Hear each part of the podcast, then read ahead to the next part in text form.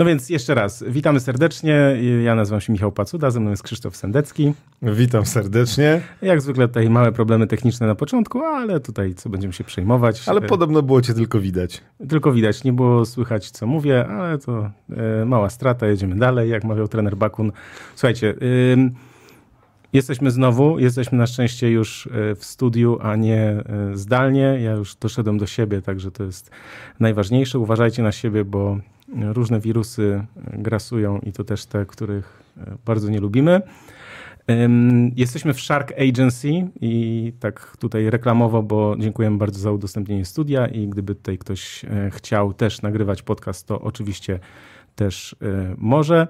No i też e, dziękujemy Mateuszowi, który tutaj do nas e, przyszedł, jeden z naszych słuchaczy przyszedł i pomógł nam tutaj ze studiem tutaj troszkę je, tak nazwijmy to dopieścić, więc jeśli zauważycie zmiany, to w dużej mierze jego zasługa i bardzo mu za to dziękujemy.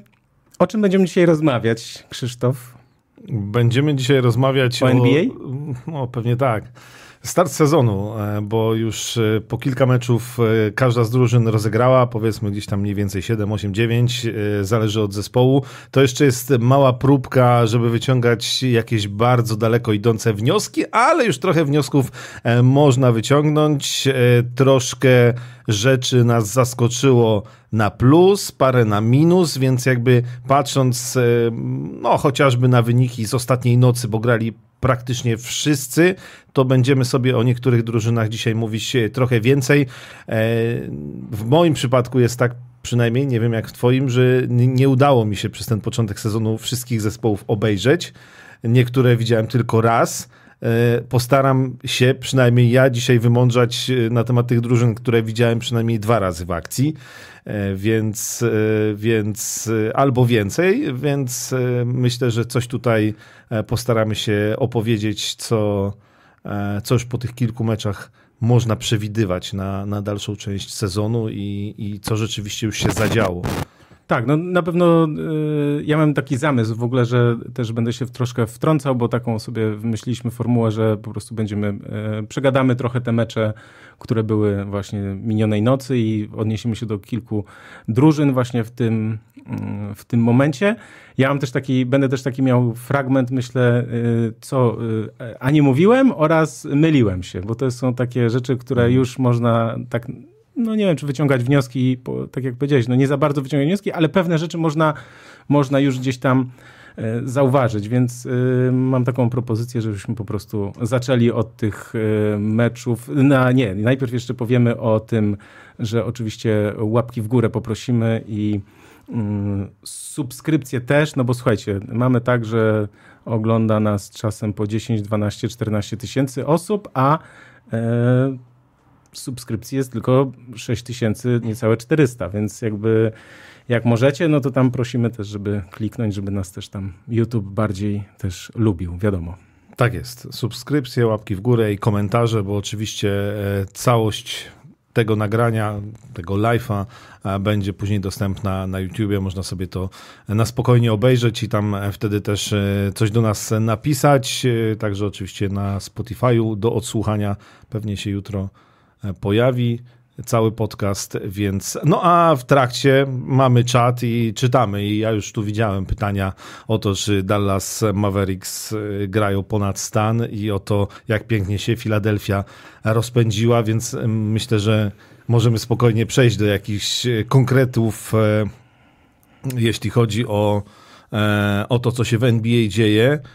I nie wiem, czy czasem, no bo pewnie musimy od Jamesa Hardena zacząć, tylko nie wiem, czy w kierunku Clippers pójść, czy w kierunku Filadelfii pójść, bo to są yy... dwa bardzo ciekawe tematy związane z jego transferem. No to może, nie wiem, to od którego meczu byś chciał zacząć, bo pewnie od, pewnie od Filadelfii, czy nie? Wiesz co, chyba tak. Znaczy no, generalnie tak. Ja w, dzisiaj w nocy e, obejrzałem sobie Boston z Filadelfią. Ten mecz się zapowiadał dobrze i był dobry. E, i był to już któryś tam w tym sezonie obejrzany mój mecz Bostonu akurat, o Bostonie też powiemy. Natomiast jeśli chodzi o Filadelfię, trochę musiałem poczekać, e, bo trochę nie wierzyłem w to, co się dzieje. Natomiast bez Jamesa Hardena Philadelphia jak na razie gra fenomenalnie. Znaczy bilans 6-1 nie jest przypadkowy i zwycięstwo dziś w nocy z Bostonem 106 do 103 też nie jest przypadkowe, chociaż oczywiście ten wynik e, już wskazuje, że mogło to spotkanie się inaczej potoczyć. Natomiast e, James Harden w ogóle właściwie nie został dopuszczony do tej drużyny, bo przed transferem do Los Angeles Clippers mieliśmy tam historię, że nie wpuszczono go na pokład samolotu, że on nie poleciał z drużyną, bo już niby chciał z nimi e, trenować i grać, no ale e, ogólnie ta drama z Jamesem Hardenem e, była długa, męcząca dla wszystkich, no i w końcu Philadelphia go oddała. No można powiedzieć, że patrząc na to, jakie, jaką postacią w NBA jest James Harden, znaczy patrząc typowo sportowo, bo niekoniecznie charakterologicznie, no to, no to powiedziałbym, że praktycznie za darmo. Natomiast pozbyła się ogromnego problemu Filadelfia. I mam też takie wrażenie, że trochę Joel Embiid i Philadelphia teraz y, bardzo mają coś do udowodnienia, że bez Jamesa Hardena będzie lepiej, bez Jamesa Hardena można wygrywać, bo mówiliśmy o tym poprzednio, że ta gra Jamesa Hardena z Joelem Embiidem wyglądała przez sporą część poprzedniego sezonu nieźle, czasami naprawdę dobrze, natomiast ostatecznie e, no to się skończyło właśnie na rywalizacji przegranej e, z Boston Celtics w playoffach. Natomiast jak ja sobie patrzyłem na Filadelfię, już abstrahując od tego, czy zasłużenie, czy niezasłużenie ten mecz z Bostonem wygrała, czy ten wynik mógł być inny, i jakby Boston wygrał, to czy mówilibyśmy inaczej? Myślę, że nie mówiłbym inaczej. Znaczy, nawet jakby Filadelfia ten mecz przegrała, to patrząc też na jej dotychczasowe występy, to pod kilkoma względami jestem zaskoczony bardzo na plus na razie tą drużyną. Nie wiem, czy to tak zostanie, ale. Yy, Obrona Filadelfii mi się bardzo podoba. W znaczeniu to, jak oni bronią. Oczywiście, masz Joela Embida, który jest tutaj centrum defensywy, natomiast masz tam mnóstwo zawodników, którzy potrafią bronić indywidualnie i też y, jest ta spójna defensywa, z którą ogromne problemy. E, no Jalen Brown miał poza trójką, która w samej końcówce gdzieś tam znowu wróciła, Boston dzięki temu wrócił do gry, no to, to właściwie Jalen Brown w tym meczu nie istniał. Jason Tatum miał ogromne problemy. Porzingis teoretycznie 29 punktów rzucił, natomiast, e, natomiast no mam wrażenie, że był cały czas też gdzieś tam e, pod kontrolą, a patrząc na, na skład Filadelfii, to jakby po odejściu Jamesa Hardena e, wszystko wokół Joela Embida, mm, odpowiedzialność może rozpłynęła się na całą drużynę i mam wrażenie, że wszyscy wyglądają lepiej. Znaczy Tobias Harris wygląda lepiej. To jest zawodnik, który, z którym zawsze wiązano jakieś tam duże nadzieje, on ich nie spełniał. Trochę mam wrażenie, y, mm, on mi trochę przypomina Andrew Wigginsa, znaczy, że to jest taki zawodnik, na którego możemy liczyć pod tym względem, że on nigdy nie będzie gwiazdą i liderem, bo być może nawet ma umiejętności, natomiast myślę, że mentalnie nie jest w ogóle do tego gotowy. Natomiast może być bardzo ważnym zawodnikiem pierwszopiątkowym e, czołowej drużyny i Tobias Harris na razie wygląda świetnie. Wygląda świetnie Tyrese Maxey. To jest, e, no to jest zawodnik, który właściwie z każdym meczem, czy nie wiem jak to powiedzieć, każdym miesiącem rozwija się niesamowicie i w tym sezonie już od początku wygląda absolutnie fenomenalnie. E, masz Kariego Obre, który też, ja, ja nie pamiętam, żeby on grał tak dobrą koszykówkę i w obronie, i w ataku. To jest w ogóle, a w ogóle w ataku, no to on oczywiście potrafi być bardzo efektowny, natomiast też jak pracuje w obronie, to jest ciekawe. E, masz Meltona e, w tej pierwszej piątce, ale też masz ławkę rezerwowych, czego akurat w Bostonie moim zdaniem brakuje e, taką ławkę z mm, weteranami, z Nicola Batum, Patrick Beverly, oni czasami będą zdobywać wiesz, po 2-5 punktów, ale jakie to będą ważne punkty? Znaczy Nikola Batim w tym meczu zdobył bardzo ważną trójkę e, w końcówce. Robert Covington, kolejny fenomenalny defensor przede wszystkim, ale też jak trzeba, to rzuci trójkę, to e, zdobędzie punkty, to też będzie pomocny w ataku. Paul Reed, e, kolejna postać jakby znikąd. Oni wszyscy w tym momencie wyglądają dobrze, znaczy wchodzą rezerwowi, ta ławka rezerwowych w porównaniu z Bostonem, gdzie właściwie tej ławki nie ma, tam jest potężna pierwsza piątka, e, którą jednak, jak się okazuje, daje się powstrzymać, natomiast z rezerwowymi jest problem. W Filadelfii ja widzę drużynę i, i tak jak mówiliśmy na początku, może trudno wyciągać wnioski po siedmiu meczach, Natomiast y, w przypadku Filadelfii, no to jest to takie pierwsze oczarowanie e, tego sezonu. Po odejściu Jamesa Hardena wszyscy odetchnęli i na razie ta Filadelfia wygląda naprawdę naprawdę obiecująco. Tak, Filadelfia wygląda dobrze, wygląda w końcu jak zespół, który gra w koszykówkę. Ja sobie zerknąłem jeszcze na y, payroll, czyli te płace, bo ja właśnie tak pamiętałem, teraz mówię z głowy, bo mi się wydaje, że Kelly Oubre y, w ogóle on przyszedł jako wolny agent, ale długo chyba nie podpisywał kontraktu, w sensie długo był na tym rynku, bo to jest taki zawodnik, który jak gdzieś grał wcześniej, y, to mm, rzucał dużo punktów. Y, całkiem sporo potrafił rzucać.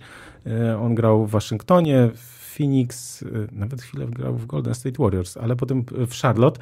I to jest taki gość, który rzucał dużo punktów zawsze, ale nigdy nie był traktowany poważnie. To znaczy zawsze był, że on, dobra, to jest taki gość, co będzie ci robił dobre staty w, w słabych drużynach. Natomiast nagle się okazuje, że on też w dobrej drużynie jest w stanie grać bardzo dobrze i wejść na ten taki no, swój najwyższy poziom.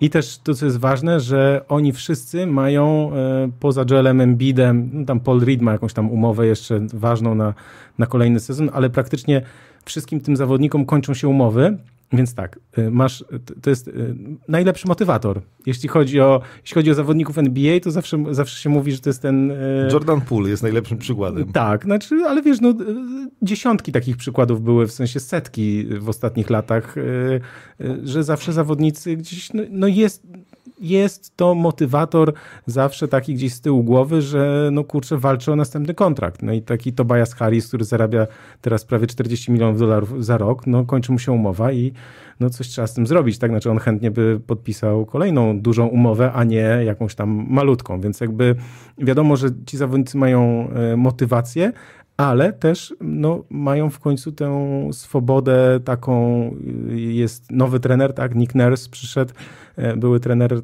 Toronto Raptors, więc rzeczywiście ta drużyna w końcu, oni w końcu zaczęli wyglądać jak drużyna koszykarska, która nie jest oparta na tym jednym tak zwanym klepaczu, bo James Harden z całą moją miłością do niego, e, zwłaszcza z czasów Houston Rockets, no to to jest zawodnik, który gra bardzo dużo na piłce i bardzo dużo jakby narzuca swoim stylem gry całą grę drużyny, to znaczy zarówno w ataku, jak i w obronie. On miał już w ostatnich latach problemy z defensywą. Nigdy nie był jakimś super obrońcą, ale jak był przeciętnym, to teraz jest już myślę, że poniżej przeciętnej.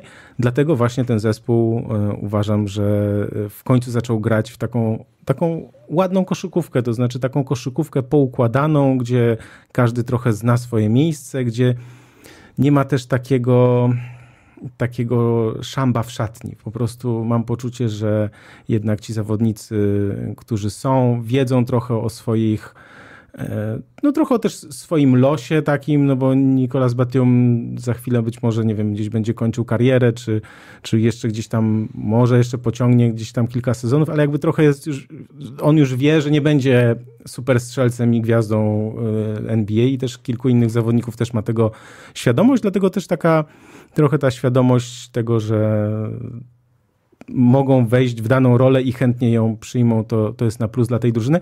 Tyrese Maxi, bo chcę o nim powiedzieć, to jest chłopak, który w tym roku powinien zostać wybrany. Znaczy tak, jeśli będzie grał tak nadal dobrze i, um, i będzie się rozwijał u, u boku Embida, no to, no to to jest chłopak, który będzie grał w meczu gwiazd y, i to jest chłopak, który podpisze za chwilę ogromny kontrakt, dlatego że oni nie proponują mu teraz y, nowej umowy, dlatego że po prostu będą mogli mu chyba zaproponować latem jeszcze większą i na pewno to zrobią.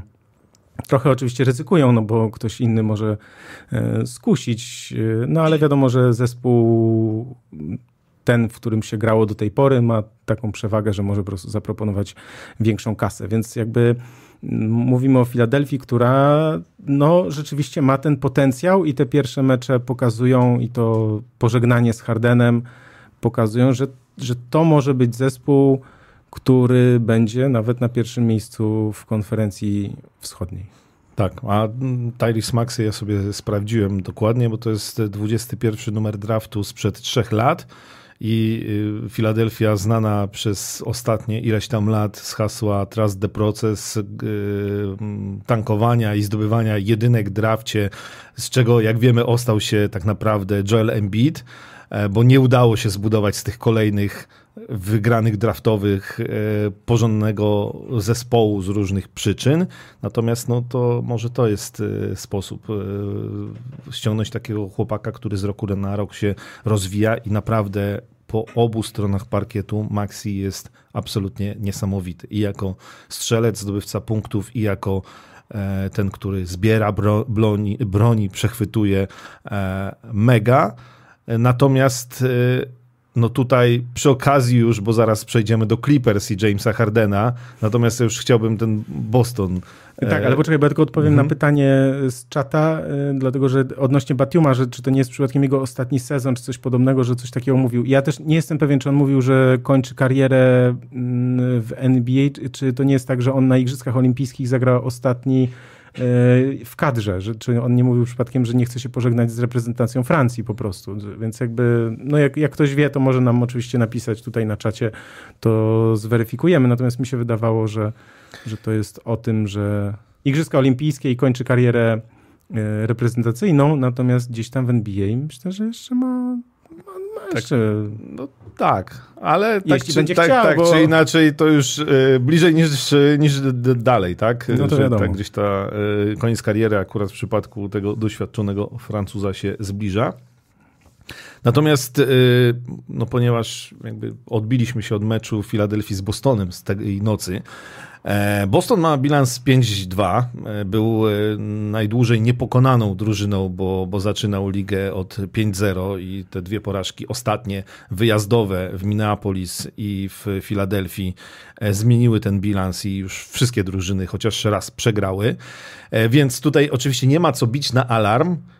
Natomiast ponieważ o Bostonie mówiliśmy w i dwa tygodnie temu, i cztery tygodnie temu, jakby w dwóch poprzednich odcinkach, e, to, e, to już wiecie na pewno, że e, od nich ja przynajmniej wymagam więcej, to znaczy myślę, że oni też od siebie, jakby te zmiany, to o tym też mówiliśmy, zmiany w składzie, to jest pójście na całość po to, że nie wystarczy nam finał konferencji, nie wystarczy nam finał NBA, my chcemy zdobyć mistrzostwo. No i patrząc z tej perspektywy, to ja mam pewne obawy co do Bostonu. Znaczy, to będzie drużyna, która będzie bić się o najwyższe cele, natomiast na razie to, o czym już powiedziałem, ławka, i to o czym mówiliśmy przed sezonem, ławka rezerwowych po tych zmianach e, w Bostonie w porównaniu chociażby z poprzednim sezonem, czy dwoma poprzednimi sezonami, nie wygląda dobrze. Znaczy, w pełnym składzie wchodzi z niej Al Horford, który mam wrażenie, że będzie miał już coraz częściej tylko przebłyski e, swojej wielkiej formy, a coraz, e, co, nie, coraz rzadziej nie, coraz częściej będą to tylko przebłyski, o tak. E, natomiast no też bardzo często to będzie przeciętny Al Horford. Sam Hauser, który dobra, wejdzie, rzuci ci jakieś trójki, no i, no i to tyle i... I, I Pritchard, nie, nie, no, znaczy, Wiesz, to, to, Luke, to, Luke Cornet, który to w meczu z Minnesotą. Y, nie wiem, czy oglądałeś, ale tam taki ubaw mieli komentatorzy, bo e, Luke Cornet e, wszedł na w jednej akcji w obronie, już nie pamiętam, ktoś tam rzucał za trzy punkty, e, a on kryjąc na trzy metry na radarze sko z, skok siatkarza. Skok, skok siatkarza i po prostu przez kolejne trzy minuty komentatorzy kładli się ze śmiechu i ten, z tego biednego Luka Korneta się naśmiewali. Natomiast no, to nie jest center, z którym chcesz się bić o cokolwiek. Oczywiście pierwsza piątka Boston Celtics wygląda obłędnie bo Jalen Brown, Jason Tatum, Krista Porzingis, który wygląda na razie fantastycznie, Derek White, który został ojcem w dwóch poprzednich meczach, go nie było, gratulujemy. E, no wrócił na ten mecz z Filadelfią. E, no i Drew Holiday. Oni grają, grają w pierwszej piątce. Drew Holiday i, i Derek White. Drew Holiday też wygląda e, świetnie. On w ogóle w tym meczu często bronił Embida. Tak, to było, nie, to było niesamowite i zaskakujące, że oni, ja na początku myślałem, że to jest jakieś tam yy, nieporozumienie w obronie czy coś, natomiast taka było, takie było założenie, że on tam ma tego Embida właśnie gdzieś, no nie wypychać spod kosza, tylko gdzieś próbować go odcinać od, od podań, natomiast no, znaczy, jak... się jak się skończyło, no 27 punktów Embida i 10 zbiórek, no więc jakby o ile można było ograniczyć jakoś te jego poczynania, no ale co z tego, jak wiesz, Tyrese Maxi rzuca 25. No. Tak, znaczy tam, jeśli już Embida udało się wypchnąć i zmusić do grania e, przodem do kosza, twarzą w twarz, no to, no to tam Drew Holiday jakieś tam piłki mu zabrał, czy zmusił do błędu, czy niecelnego rzutu. Natomiast za każdym razem, kiedy, e, kiedy Embiid przy nim zaczynał grać tyłem do kosza, no to już y, Drew Holiday był oczywiście bez większych e, szans. Natomiast ja jeszcze jedną mam wątpliwość z Bostonem. Bo zmienił się skład, mhm. jest Kristaps Porzingis, natomiast mam wrażenie, że zostały stare grzechy. W znaczeniu Boston wygląda pięknie, jak pewnie wygrywa. Siedzą trójki, oni potrafią grać zespołowo. Y, Porzingis w ogóle fenomenalnie, chyba w tej chwili to nie wiem, czy to nie jest najlepszy wysoki trafiający za trzy punkty, bo łatwość, z jaką on rzuca za trzy, e, to na, nawet jak na jego umiejętności w tym sezonie robi na mnie e, wrażenie. Natomiast e, kiedy zaczynają się kłopoty, kiedy zaczyna się nerwowa końcówka, kiedy przeciwnik cię dogania, kiedy nie wpadają trójki. Boston Celtics to jest znowu ta drużyna grająca indywidualnie. To jest znowu Jason Tatum sam, przez ręce. Jalen Brown sam z 8-9 metrów. Mm. E, Kristaps Porzingis, e, który w decydujących momentach jednak przegrywał e, jeśli już był zmuszony pojedynki z Embidem, czy mm, dzień wcześniej chociażby z Rudim Gobertem. Krista Porzingis jest wspaniały i piękny, jeśli będzie zdrowy, to uważam, że to po, po siedmiu meczach, tak, Bostonu, y, to, to tyle, co możemy powiedzieć, to jest znakomity transfer. Natomiast ciągle y, Nikola Jokic, Joel Embiid, Janis Antetokounmpo są lepszymi od niego centrami. I, I tak mam wrażenie, że tutaj w tym meczu akurat Filadelfia z Brownem, Tatumem sobie poradziła, Porzingisowi pozwolili rzucić 29 punktów. E, no i to tyle. A, a z ławki rezerwowych nie ma, e, nie ma wsparcia i ja mam pewne obawy, czy to doprowadzi do mistrzostwa e, Boston, chociaż może przy, przy pełnym zdrowiu w playoffach, gdzie się zawęża rotacje, Oczywiście jest taka szansa. No, to jest kwestia, jak wielki będzie Jason Tatum, jak dobra będzie ta współpraca. E, no myślę, że dopisuję sobie znaczek zapytania przy Bostonie i obserwuję dalej. Tak, ja, ja mam takie spostrzeżenie odnośnie Celtics, że mm, to, co powiedziałeś, dokładnie jakby zbiega się z moimi obserwacjami, to znaczy, że tam jest krótko krótka ławka i jak nie idzie, to znowu mamy to samo co wcześniej, czyli bardzo grę indywidualną, opie, opartą na tym, że dobra, to teraz Brown spróbuje coś wykreować sam z niczego, albo Tatum spróbuje. I o ile to czasem się udawało, o tyle zabrakło tego w playoffach na przykład w zeszłym roku. Tak? To znaczy zabrakło skuteczności i właśnie takiej zespołowej gry, szyb, szybszej przede wszystkim, a, a tutaj mamy taki właśnie, że, że to może być problem, że okazuje się, znaczy może się okazać, to też jest bardzo wcześnie nadal sezonu, dopiero początek, ale może się okazać, że to wcale nie Markus Smart był tym problemem, bo oni pamiętaj, że oddali Markusa Smarta, no bo też tak stwierdzili, że no trochę to jednak coś musimy zmienić, więc zmieńmy je, znaczy po, pożegnajmy Markusa Smarta i pozyskajmy Holiday'a, będzie tam super w sensie i tak dalej. Y, oczywiście to nie poszło w wymianie jeden na jeden, ale o to mi chodzi, tak, że jakby, y, że ten, że ten y, tak, taki zamysł, tak, Te, tego zmiany, tego ustawienia, czy w ogóle stylu gry i tak dalej. Natomiast okazuje się, że jednak to ustawienie e, Tatum Brown razem, że nie wiem, czy no po tym sezonie będziemy mogli chyba powiedzieć już ostatecznie, czy to jest problem, czy nie. W sensie, że to, czy, czy, to, czy, to, czy to nie z nimi jest problem, o tak powiem. Sensie z nimi razem, tak, na boisku, że jakby już drugi trener nie jest, nie jest w stanie tego w jakiś sposób poukładać i że po prostu być może trzeba będzie dokonać jakichś radykalnych kroków i postawić na jednego z nich tylko na przykład. Co zresztą jest omawiane już od kilku lat, no ale to wiadomo. To pytanie wraca. Za każdym razem, jak Boston przegrywa, ale tak jak powiedziałeś o trenerze, bo też pamiętam, jak mówiłeś, że masz wątpliwości co do e, Joe Mazuli, to, e, to też patrząc na Boston się zastanawiam, e, no, że to będzie ten sezon bardzo poważny sprawdzian dla niego. Znaczy poukładać tą drużynę i sprawić, bo cele są, cel właściwie Boston jest jeden, mistrzostwo, tak? Więc więc przed nim też. No, no, wiesz, no to wszystko dlatego, że to jest młody chłopak. No, grał na jakimś tam poziomie, wiesz, w NCAA, ok, potem gdzieś tam był w tym sztabie, ale to, to żeby być głównym trenerem, to trzeba mieć naprawdę w sensie niewielu to wychodzi w tak młodym wieku.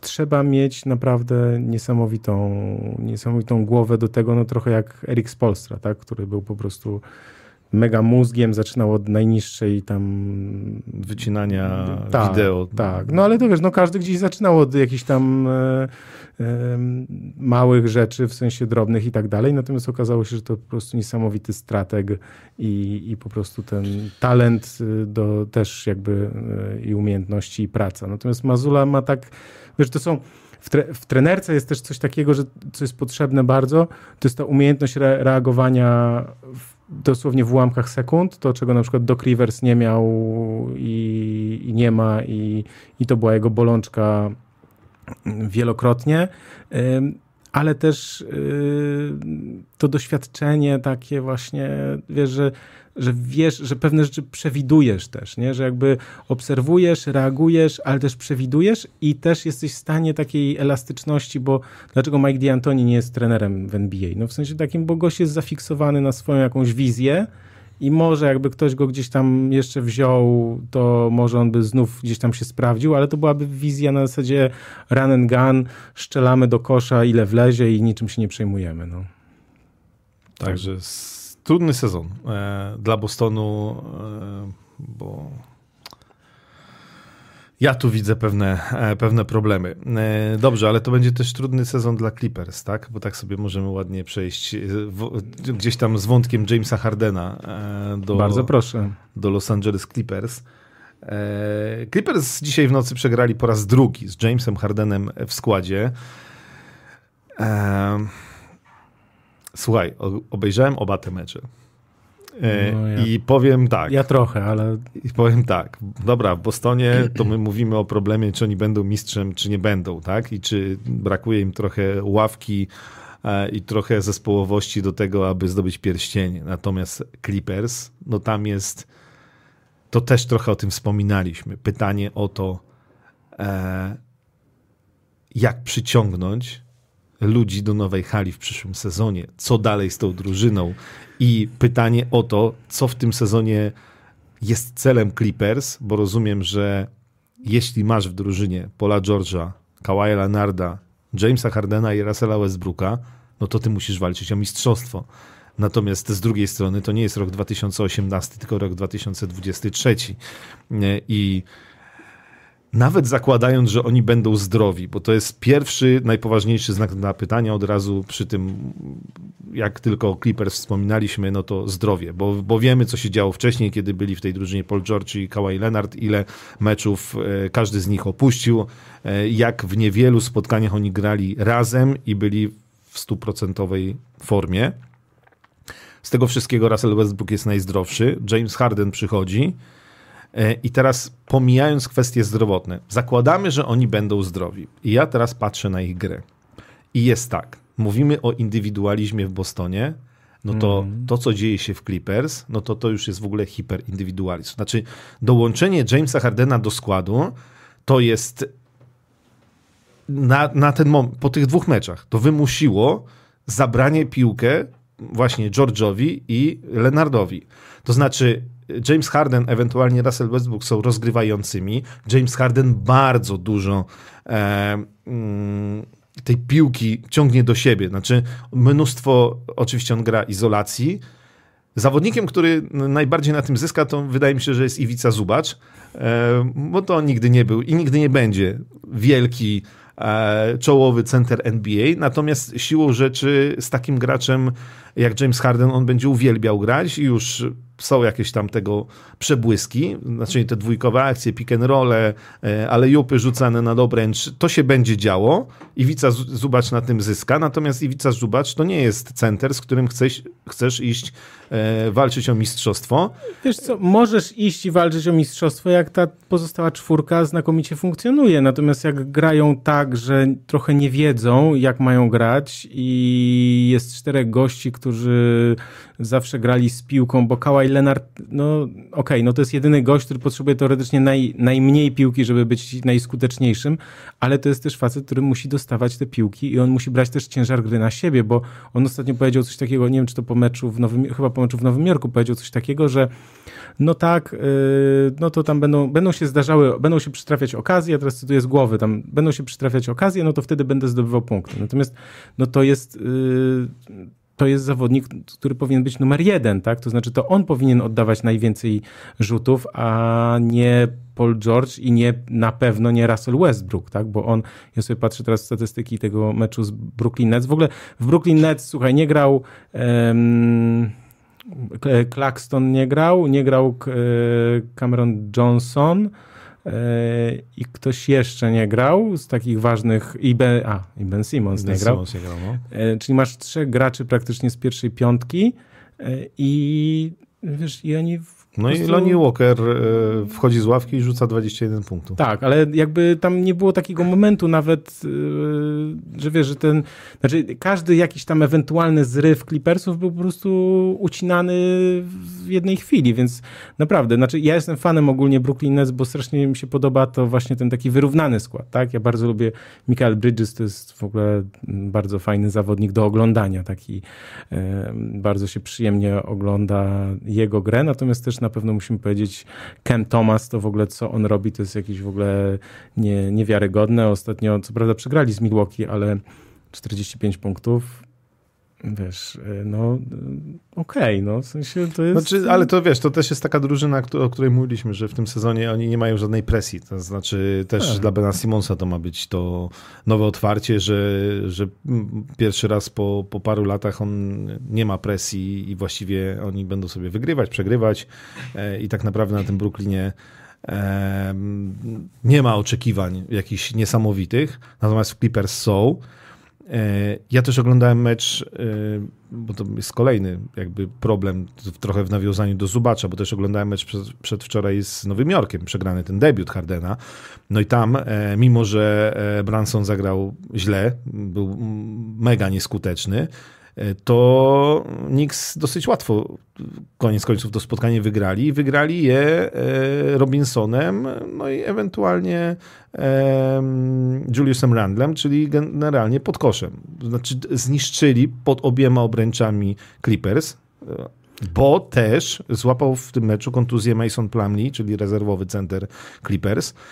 No i teraz jest Zuba i to jest też mega dziura, bo do tego ja powiem 48-31 zbiórki wygrane przez e, Nowy Jork, natomiast w meczu z Brooklyn Nets, e, już ci mówię, żeby tutaj nie skłamać, e, zbiórek 51, 49. No to już mieli więcej nawet zbiórek, ale to jakby się nie przełożyło. Natomiast tak, rzeczywiście w tym meczu z Nowym Jorkiem zostali y, tam w strefie podkoszowej naprawdę zmieceni. Natomiast wiesz, no Mitchell Robinson 15 zbiórek, 9 w ataku zrobił. No, bo to jest też tak, pamiętajmy o tym, że jak to poustawiać? To znaczy, to jest bardzo trudne do poustawiania. Mówimy o Clippers, y, tej czwórki Paul George, Kawhi Leonard, Russell Westbrook, James Harden i na centrze Zubacz, bo mm, to są to jest czterech zawodników, którzy powinni mieć piłkę w rękach i to są zawodnicy, którzy grają od jedynki do trójki. I nagle ktoś musi grać na czwórce, co jest y, przedziwne i niby tam Kawhi Leonarda wrzucają na tą czwórkę, ale to jest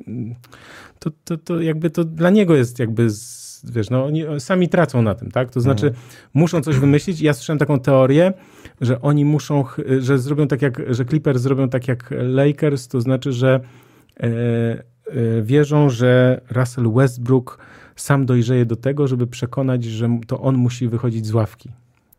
Ja oczywiście w to nie wierzę, że tak będzie łatwo, bo pamiętajmy o jednej rzeczy, słuchajcie, bo to jest, bo to jest bardzo ważne, żeby to powiedzieć na papierze, czy jakbyśmy zagrali, wiesz, nie wiem, na, na playaku, w, to, to jest bardzo fajny skład, bo można rzucać, można grać, nie wiem, szybko i tak dalej. Natomiast no, w koszykówce takiej prawdziwej to nie do końca tak wygląda, a raczej wygląda zupełnie e, na odwrót i teraz musisz to wszystko poukładać.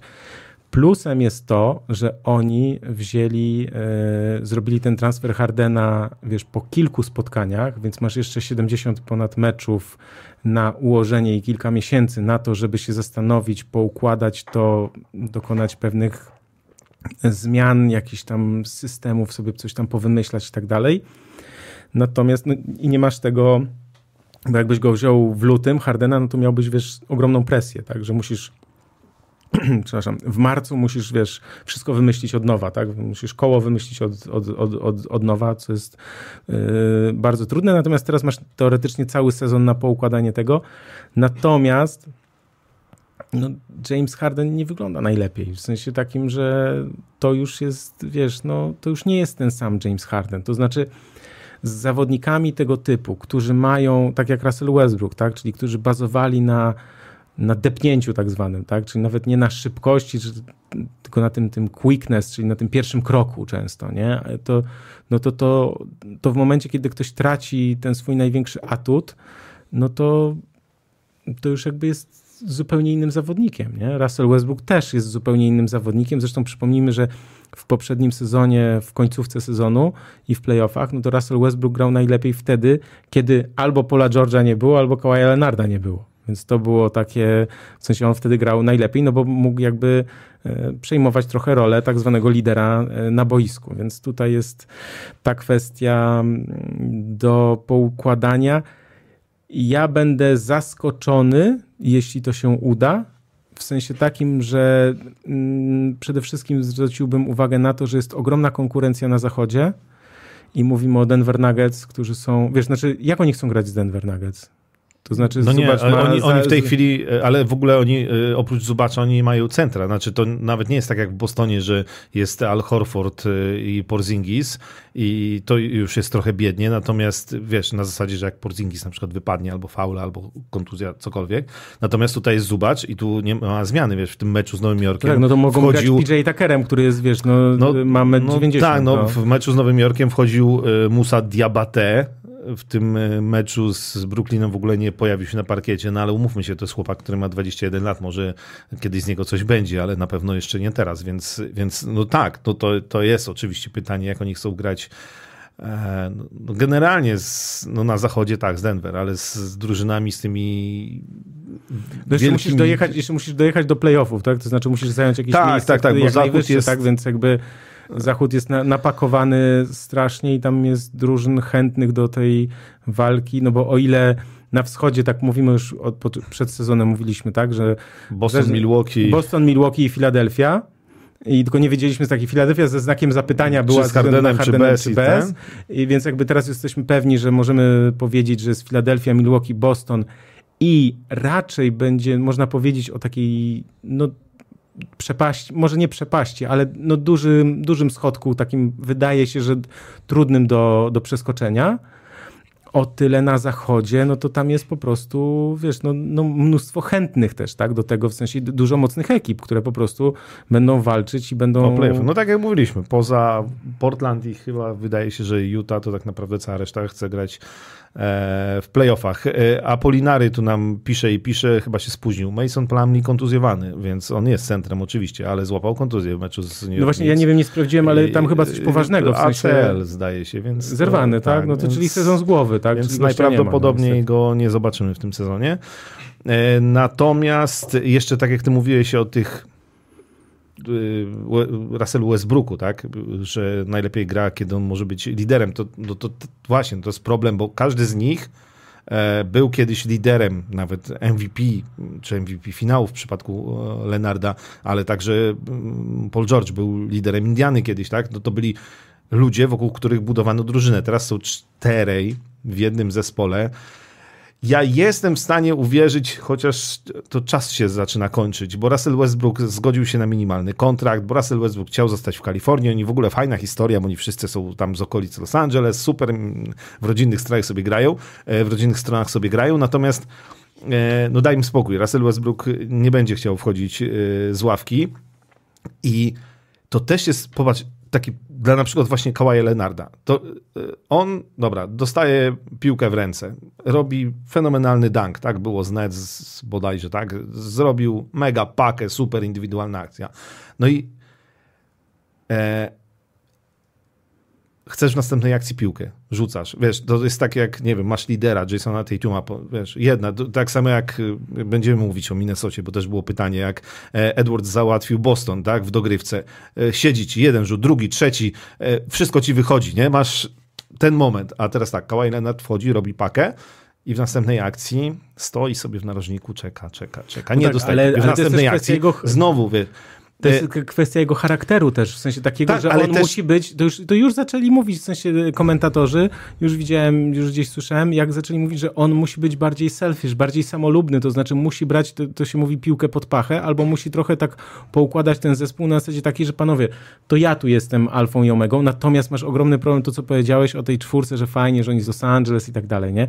Natomiast tu masz takie ego w szatni, że wiesz, że to ego... Nie, to jest taka medialna bajka, znaczy to fajnie wygląda na grafikach. O, popatrzcie, tak, tu wszyscy są z tak, Kalifornii, chłopaki stąd, jeszcze ich dać, w sensie no. z poprzednich sezonów, z poprzednich lat i tak dalej. Wszystko super, tylko że musimy pamiętać też o tym właśnie, że drużyny koszykarskie, które odnoszą sukcesy, to są takie zespoły, w których zawodnicy wiedzą, co mają robić, tak? Znaczy Denver jest idealnym, tak, tak, tak bardzo idealnym. Ten Kentavious Caldwell Pop, który wie dokładnie, co ma robić. Znaczy on jest tytanem w obronie, zasuwa w obronie i tak, czasem może tam gdzieś rzucić czy coś, ale ścina, nie on jest najważniejszy, nie? W sensie takim, że on jakby zna swoje miejsce. Zdobywa mnóstwo punktów też dzięki temu, że czeka na właściwy moment. Natomiast tu mamy wszystkich czterech gości, którzy mają to ego ogromne i wiesz, no, no bo mają niesamowitą historię, karierę za sobą w sensie i tak dalej, więc jakby no, ciężko, ciężko, ciężko, ciężko będzie to poukładać. Ja bym, znaczy nie postawiłbym, znaczy moje, jeśli miałbym teraz przewidywać, ja wiem, że jest wcześniej, być może w lutym będzie to trzeba o, odszczekać pod stołem w sensie i tak dalej, albo w czerwcu, jak będą grali w finale.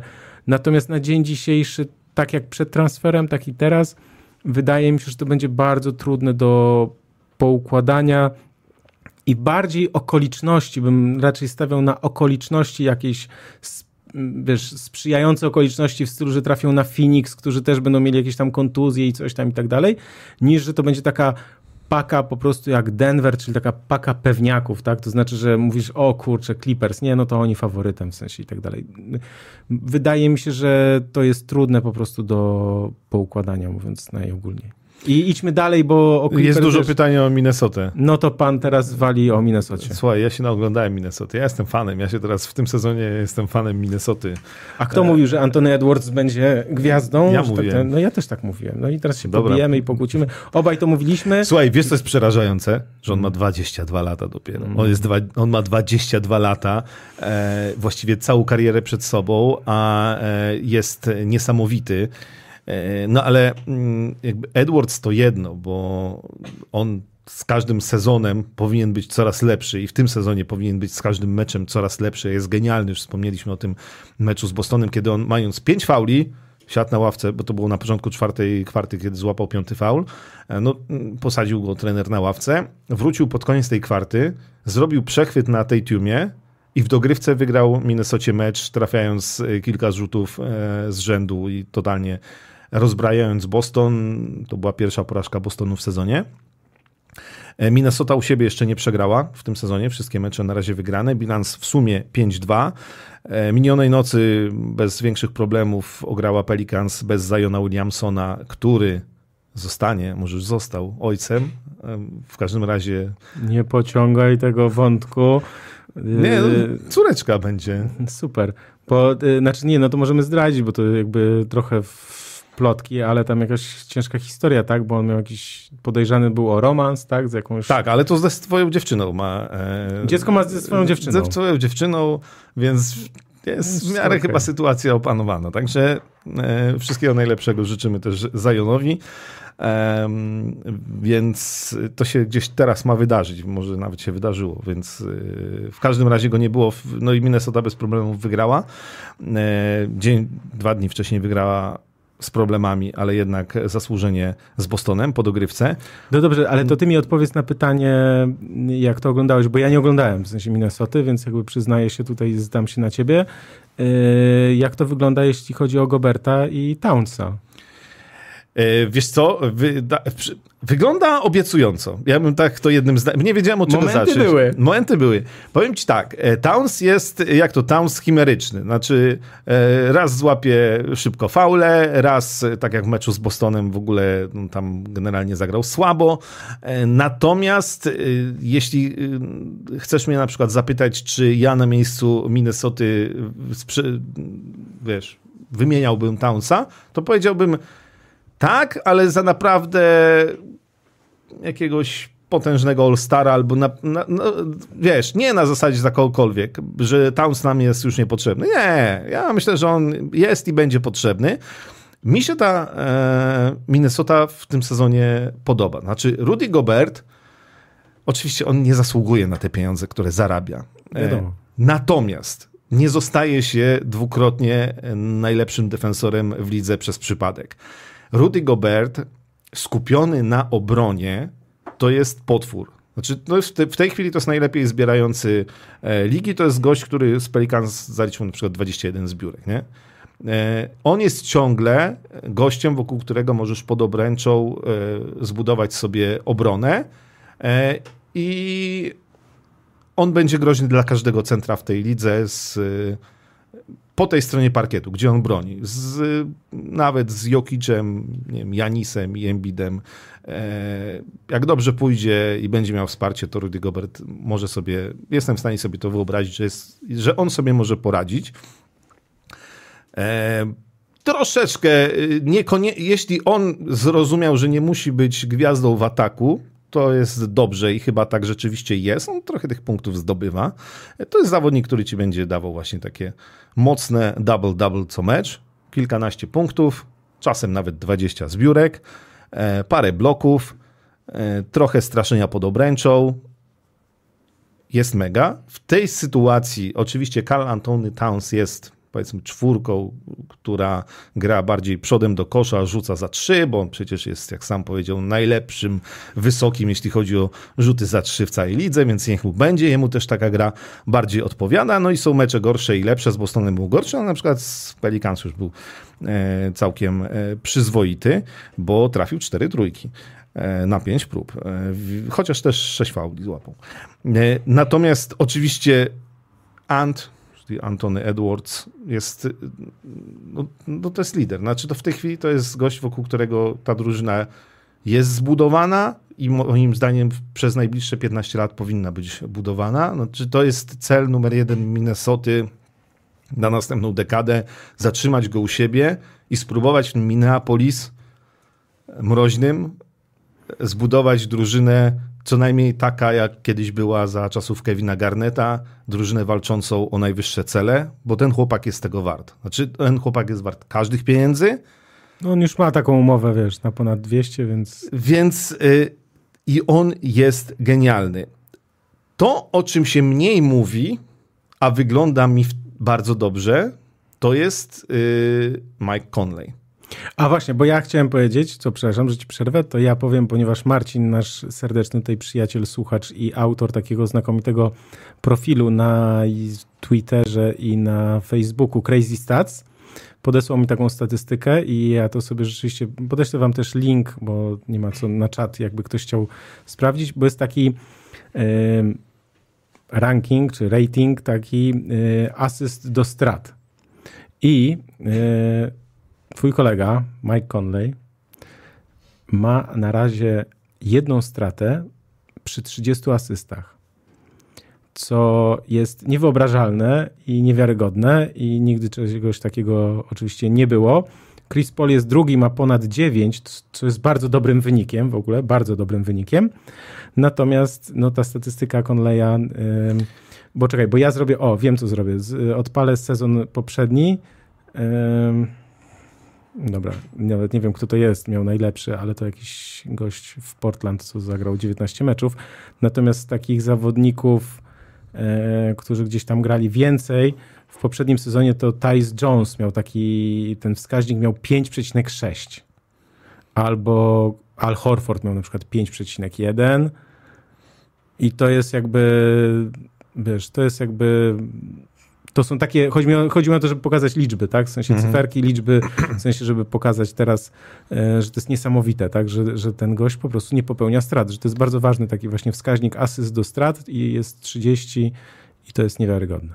Tak, no i Mike Conley bo też jakby przy tej okazji, bo on jest oczywiście rozgrywającym, natomiast też pamiętajmy, że Antony Edwards jest też koszykarzem, który mnóstwo kreuje. Znaczy on też zalicza mnóstwo asyst, przy tym, że jest y, strzelcem fenomenalnym, to on też e, kreuje kolegów, no ale jest jednak Mike Conley, który kreuje, który jak trzeba to zdobywa i który jest no, takim typem gracza, jak e, Drew Holiday, jak Marcus Smart. On nie chce być największą gwiazdą, czy nie musi być największą gwiazdą. On jest tym gościem, na którego zawsze możesz liczyć, który zawsze będzie grał dobrze na swoim poziomie. E, natomiast wywiady po meczach to będą robić właśnie z Antonem Edwardsem, Karlem Antonem Townsem, oczywiście, bo on sam się do, na ten, do tego wywiadu wepcha, e, nawet czasem z Rudim Gobertem, natomiast Mike Conley będzie w cieniu, ale takim gościem jest, który naprawdę robi na mnie niesamowite wrażenie. No i jest parę postaci, które powiedzmy są medialnie na drugim planie, natomiast e, Jaden McDaniels mm -hmm. wygląda fenomenalnie i Nas Raid no bo to Reed. jest gość. Reed chyba. Może i Reed. No, no, to jest gość, e, który ewentualnie jakbyśmy sprzedali Townsa, to spokojnie go zastąpi. On ci będzie, on na razie oczywiście wchodzi z ławki, zdobywa punkty, zbiera, broni. E, I ta ławka w ogóle też Minnesoty, żeby nie było, to naprawdę wygląda nieźle. Obrona Minnesoty wygląda. To już było, to Minnesota już w tamtym sezonie mówiliśmy, że oni dobrze bronią. E, to tam im bliżej końca sezonu to róż, różnie to wyglądało. Natomiast e, ten początek sezonu w przypadku Minnesoty jest, jest e, fenomenalny i powiedziałbym, że ja jestem w stanie uwierzyć w to, że Rudy Gobert i Karl Antony Towns mogą grać razem. Jednak. Jednak i że to wypali. I to niech to będzie ten sezon. I ten Antony Edwards absolutnie niesamowity. Eee, więc myślę, że reszta to już jest tylko w rękach gdzieś tam generalnego menedżera eee, Minnesota Timberwolves. Y, fanom Minnesota musimy też powiedzieć taką rzecz, która jest jakby to jest taka, to jest normalne w NBA. Eee, dlaczego oni pozyskali tych kilku zawodników też przez przez transfery, dlatego że dużo trudniej jest ściągnąć kogoś z rynku do takiego miasta jak Minneapolis, gdzie zimą jest bardzo zimno, a sezon przecież jest w zimie. Y, I po prostu nie jest to jakaś metropolia wielka, niesamowita, wspaniała i tak Czeka, dalej. Polskie są... warunki to jest, ale...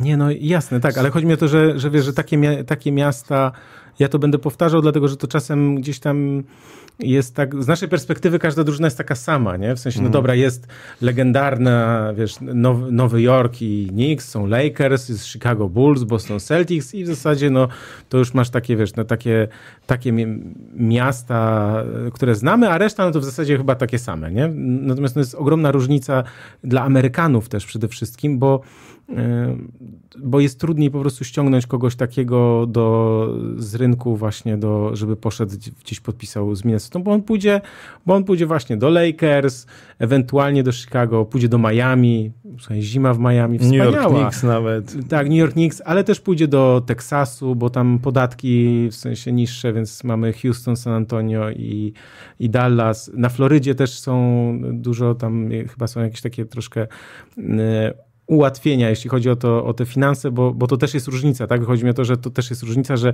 10 milionów w tym stanie, czy w tej drużynie, to jest inne 10 milionów tak naprawdę niż... Inne netto. Inne netto, netto tak, bo brutto to, jest, brutto jest to samo, brutto natomiast zawsze netto brzmi jest... dobrze, a netto tak, to, to już... Netto jest najważniejsze tak naprawdę różnie. na koniec. Była y, taka, jeden z najlepszych klipów w ogóle w historii, można powiedzieć, Minnesota kiedyś parę lat temu popełniła, jeszcze jak tam Ricky Rubio grał, który zaczynał się od fragmentu Beverly Hills 9210, bo tam ta rodzina głównych a, tak. bohaterów tak. była, wiadomo, z Minneapolis, przyjechali do Los Angeles i był, była scena, jak ojciec mówi, no, mam dla was wiadomość, wracamy do Minneapolis. I oni tam, Brenda, Jason i ta ich matka po kolei, Minneapolis? Minneapolis? Minneapolis? Tacy załamani, no jakby to pokazywało. No I później była oczywiście ta no, muzyczka z Beverly Hills e, i przedstawieni ci koszykarzy wcześniej e, Minnesoty, jakby trochę tak prześmiewcze, ale to tak pokazuje, że to Minneapolis, zresztą ja też pamiętam Luka Langleya w swoim dokumencie, jak on został wytransferowany z Chicago do Minnesoty, tak, no on był załamany. Znaczy to, to był koniec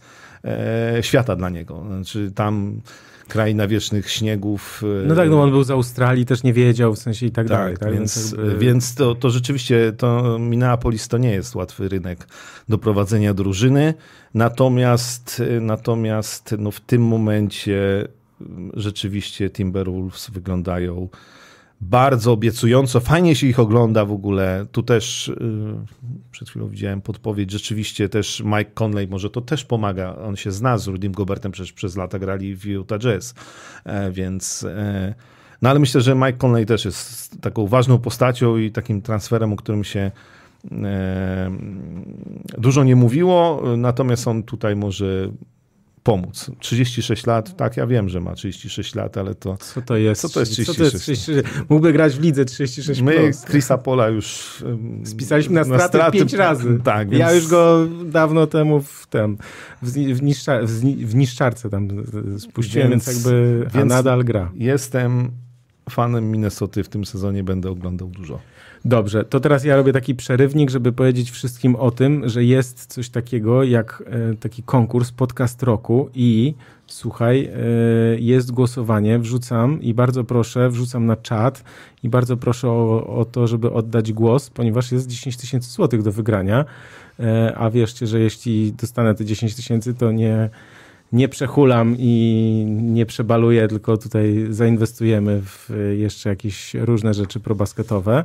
E, więc bardzo bym prosił, zerknijcie, to jest podcastroku.pl w ogóle, jakby ktoś chciał, tam słucha nas i, i chciałby na to wejść. Natomiast tutaj wrzuciłem też na czat y, tam, żeby zagłosować, to bardzo proszę, bo my jesteśmy tutaj jako ProBasket w kategorii lifestyle, kultura i hobby, więc to jest taka ważna kwestia. Natomiast mam jeszcze jedno takie właśnie ogłoszenie. Y, a i głosowanie jest tylko do chyba do soboty. Um, chyba do soboty jest tylko głosowanie, więc bardzo bym prosił, żeby się nie ociągać, tylko głosować. Głosować można tylko raz, więc tak naprawdę, jeśli ktoś już zagłosował, to bardzo dziękuję. Natomiast jeszcze druga kwestia jest taka, bardzo ważna, że e, gala jest 25 listopada w Rzeszowie.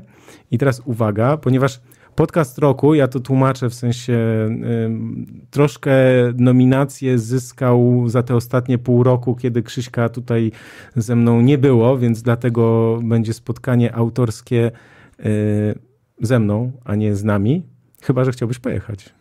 Rzeszów, piękne miasto. No ale dobra, no spotkanie autorskie z Michałem jest. Tak, i bo to cały dzień w ogóle jest y, no dosyć, y, myślę, że y, warto zwrócić na to uwagę, jeśli ktoś mieszka w Rzeszowie lub okolicy lub chciałby przyjechać, dlatego że to, to nie, że tam jest ze mną jako główne. Ja tam jestem tylko jako, wiesz, taki jeden z wielu, natomiast tam są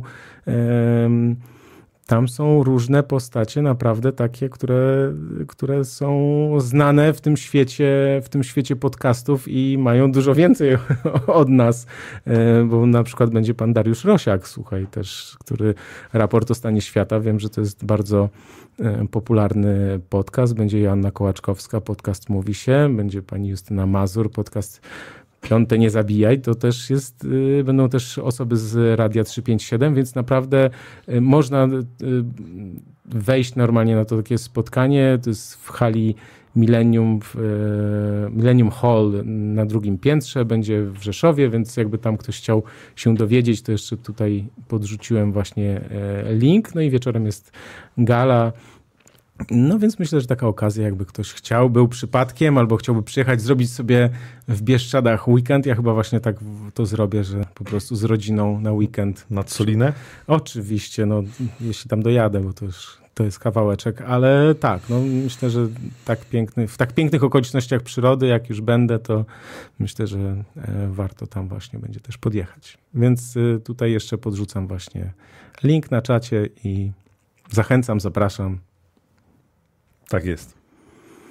To będzie, e, czekaj, będzie tutaj o, kiedy dokładnie? 25 listopada i ze mną będzie o godzinie 14. Natomiast wysłałem taki link, tam będzie też mm, informacja o tym, bo te spotkania autorskie są od 10 do 19. Do Rzeszowa warto pojechać. Tak jest. A o czym teraz ty byś chciał e, pogadać? Aha, to ja już jak robię taki reklamę, no to już po, pozwól, że jeszcze raz powiem, że e, oczywiście poza probasketem codziennie, żeby zaglądać, to jeszcze jest coś takiego, ja stworzyłem taki kanał na Whatsappie i wrzuciłem tutaj właśnie też link. Jakby ktoś chciał zobaczyć na Whatsappie, jak to wygląda, to to też jest taka ciekawostka, już tam jest chyba ze 160 osób, więc zachęcam do przeglądania. Jeśli ktoś korzysta z Whatsappa, to taka fajna fajne miejsce, gdzie jest tak zwana jednostronna wymiana, to znaczy są tylko po prostu informacje od nas z ProBasketu, a nie, nie, nie przebijamy się wtedy przez tysiąc komentarzy, bo wiem, że są po prostu osoby, które y, lubią widzieć treści bez komentarzy, y, w przeciwieństwie do właśnie, nie wiem, czy Facebooka, czy Twittera, czy tam jakichś takich różnych rzeczy, więc to też tak polecam, zapraszam.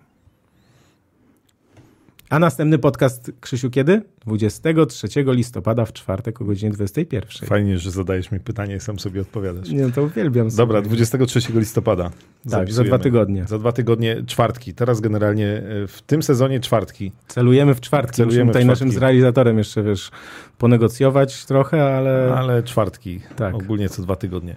E, słuchaj, padło tu już gdzieś Denver e, Nuggets w mhm. twojej wypowiedzi, więc może krótko o mistrzach NBA powiemy, bo bo też obejrzałem ich parę meczów. Oni mają jeden problem, który się niedawno pojawił, to kontuzja Jamala Mareya. Mhm. Natomiast mm, wygrali dzisiaj w nocy z Golden State Warriors. W ogóle, chociaż Golden State Warriors bez Draymonda Greena y, i Denver ma bilans 8-1, czyli najlepszy w lidze w tym momencie. Y, a swoją drogą przegrana z Minnesota. Minnesota pokonała mm, Boston i Denver. Denver Nuggets wyglądają obłędnie. Obłędnie. Jakby chcieli zdobyć drugie mistrzostwo z rzędu. To znaczy, my się obawialiśmy i pewnie się ciągle obawiamy o ich ławkę e, rezerwowych, bo oni się raczej nie wzmocnili, a osłabili. To o tym, o tym mówiliśmy w poprzednich odcinkach. Natomiast ta ich pierwsza piątka, e, no okej, okay, w tej chwili bez Jamala Mareya, no ale Michael Porter Jr., Aaron Gordon, Nikola Jokic, Kentovius Caldwell Pop i Reggie Jackson. Reggie Jackson w końcu gra tak, jak e, go pamiętamy jeszcze chyba, o Jezu, o Jezu, z czasów Detroit Pistons, tak? E, o Jezu, o Jezu, ja nie wiem skąd ty go pamiętasz. Ale, z czasów Detroit ale, Pistons, ale... kiedy rzucał po, wiesz, prawie 20 punktów, bo on potem w Clippersach to tak miał górki i dołki, mówiąc najogólniej, natomiast ja go pamiętam, bo on był w Oklahomie, i no ja tam... to ja go słabo pamiętam z tamtych czasów.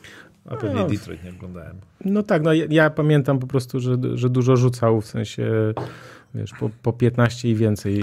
Więc jakby, a w Clippersach gdzieś się nie odnalazł i w zeszłym roku w Denver to on zagrał 16 meczów. No ogólnie był przyspawany do ławki, tak? To znaczy w sensie takim, że jakby nie, nie było gościa, no mówiąc najogólniej. I nagle, I nagle, wiesz, nagle, znaczy odnalazł się w tym sensie, że oni go od odgruzowali, jednak e, stwierdzili, że jest w stanie grać i on pokazał nawet tym meczem z Golden State, no, że tak, tak. Znaczy tam jeden problem to właśnie, że na przykład ławka rezerwowych w tym meczu zdobyła 12 punktów ze 108, e, czyli tak naprawdę prawie 100, pierwsza piątka. E, z tego Nikolaj Jokic 35. Natomiast jak się na nich patrzy, to generalnie na tą drużynę ja nie mogę patrzeć normalnie, bo ja patrzę przez pryzmat Nikoli Jokicza i ja wiem, że to po części jest wykreowane, znaczy nie chcę powiedzieć wykreowane, bo on taki po prostu jest, znaczy to jest wiesz, to jest gość, na którego patrzysz i wiesz, że jemu się, on, jemu się nie chce, w ogóle konie są ważne w Serbii, wyścigi kłusaków, e, imprezy i tak dalej, a koszykówki to ja w ogóle nie oglądam, średnio się interesuję, ale dobra, przyjdę, pogram, nie? Oczywiście wiadomo, że to Pyknę jest sobie. nieprawda, bo to są e, godziny Wiesz, i do tego fajne historie w stylu, a ostatni raz Coca-Coli napiłem się w samolocie lecąc do Stanów, a odkąd jestem e, w Stanach, to nie ani łyka, no i super, nie piję coli, więc jestem najlepszym koszykarzem na świecie, nie? Natomiast wiemy, że to oczywiście są godziny spędzone w siłowni, w sali treningowej, hektolitry potu i tak dalej. Nikolaj Jokic nie jest wyjątkiem i on też trenuje i to ciężko. Aczkolwiek jakby on po prostu tak wygląda i się tak zachowuje, że patrzysz na niego i, i od razu się e, uśmiechasz, bo, bo wchodzi ci ten e, wielki misiek na parkiet i robi generalnie co chce po dwóch stronach parkietu, e, i, a po meczu ci powie, że no niezły ten Wembanyama, może co z niego będzie, ale no musi na pewno trochę przypakować, bo na razie to on jest chucherko, nie? No a w meczu go przestawia jak chce. Ale w ogóle takie, ja mam jakieś takie wrażenie, że jeszcze po zdobyciu tego mistrzostwa, że oni są tak pewni siebie. Znaczy ta tak. drużyna jest, tam widać taką chemię na parkiecie, że oni się po prostu tym bawią, że oni wychodzą na parkiet, wygrywają z łatwością z kolejnymi drużynami e, i i to jest wszystko jak całkiem fajna, udana impreza. Znaczy im to sprawia ogromną przyjemność, przy okazji mając totalną pewność siebie, e, z tego gra, radość właśnie tego, czego brakuje gdzie w Clippers na przykład. Takie, wiesz, że wolę podać tą piłkę do kogoś, niech sobie zdobędzie punkty. To, to się łatwo mówi, bo, bo u nich to łatwo wygląda. To wygląda pięknie. Natomiast, e, natomiast no to też oczywiście sprawia, że oni są mega, mega mocni. Oni są, postawiliśmy ich z pewnym znakiem zapytania chyba obaj na czele zachodu. E, I, I teraz już wiem, że nie żałuję tej decyzji, bo, bo jeśli tam nie będzie jakichś znowu kontuzji, przez które oni tak naprawdę tak długo dochodzili do tego mistrzostwa, no to Denver Nuggets e, z tym, tym Jokiciem niesamowitym. Nie, ale co, co on ma to... za miękkość po prostu, to jest taki luz w gaciach, że co on tam robi, to się po prostu nie, nie, nie mieści w głowie. To znaczy on były takie, takie sytuacje właśnie, on, ja najbardziej lubię te fade away, jakieś takie skolanka, wiesz, gdzie on tam robi ten dwutakt, w zasadzie wszystkim się wydaje, że on, że powinni go zatrzymać, przecież on to jakiś dwutakt taki nieporadny, pokraczny, taki on, ma, masz wrażenie, że on się zaraz przewróci, ta jego, wiesz, budowa ciała też taka, no, no nieatletyczna jakaś, niekoszkodna, natomiast tak mięciutka ta rączka po prostu, która rzuca tak idealnie, w sensie, że to, że to wpada, to, to, jest, y, to jest majstersztyk to jest też y, to, co powiedziałeś, to znaczy, że ta drużyna jest niesamowicie poukładana, to znaczy, to jest właśnie to, co ja zawsze powtarzam i to będziemy powtarzać. Zawsze, jak, jak to będziemy nagrywać, to zawsze to będziemy powtarzać, że w koszykówkę y, można oczywiście się umawiać na y, podaj do mnie, ja nolne, natomiast y, i rzucamy ogólnie po 50 trójek, tak jak kiedyś Houston Rockets, natomiast y, wygrała to mistrzostwo, tak, Denver Nuggets i, i jakby na razie wygrywa, wygrywa koszykówka tak zwana trochę oldschoolowa, czyli taka poukładana niesamowicie, to znaczy taka, że oni mają różne rozwiązania na dany, w danych sytuacjach. To znaczy, jak obrona reaguje w ten sposób, to oni wiedzą, że robią A lub B lub C. Jeśli, jeśli obrona robi to, to oni robią wtedy to lub to, tak? I jakby chodzi mi o to, że, że jest, wiesz, wszyscy wiedzą, że jak tu idzie pomoc stąd, to Jokic podaje w, tą, w tę stronę, jak tu idzie, to ten wtedy Aaron Gordon ścina i wtedy jest możliwość podania, jak nie ma możliwości podania, to jest zawsze ktoś na wolnej, na czystej pozycji. No tak, no koszykówka po prostu jest piękną dyscypliną sportu.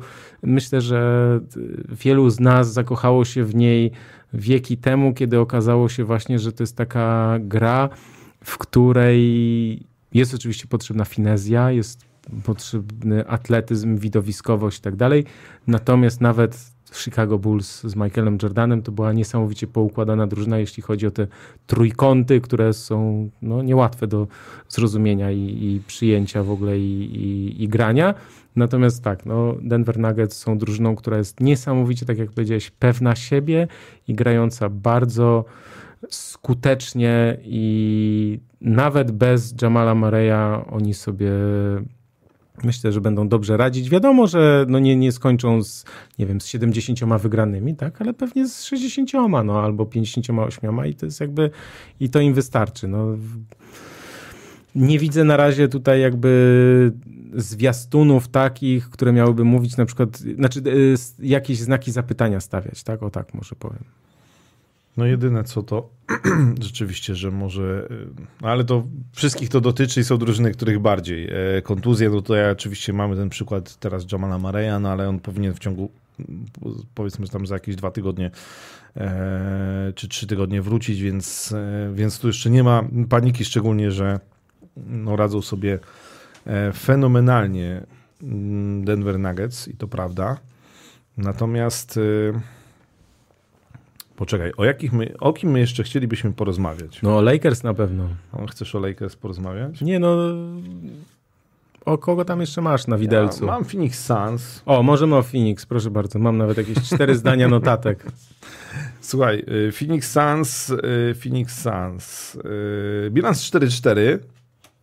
Mm, wrócił Bradley Bill to tego nie, tego nie, widziałem. Znaczy, wiem, że wrócił, ale nie widziałem tego meczu. No i jak na powrót Bradley'a Billa, ale w ograniczonej liczbie minut, y, bo on na dogrywkę już nie wyszedł. W ogóle tam zagrał chyba 24 minuty i na razie będzie oszczędzany ze względu na e, swoje plecy i problemy z nimi, e, no to jak na powrót Bradley'a Billa, to nadzwyczaj długo i mozolnie się męczyli Phoenix Suns e, z Chicago Bulls. Były tu pytania o Chicago Bulls, to ja tylko jednym zdaniem powiem, Mm, chyba not, bardziej. Not gonna happen. E, tak, chyba zdecydowanie bardziej się opłaciło swego czasu Orlando Magic wyprzedać całą drużynę, w tym chociażby Włóczewicza do e, Chicago, niż próbować to, co robi Chicago już któryś kolejny sezon.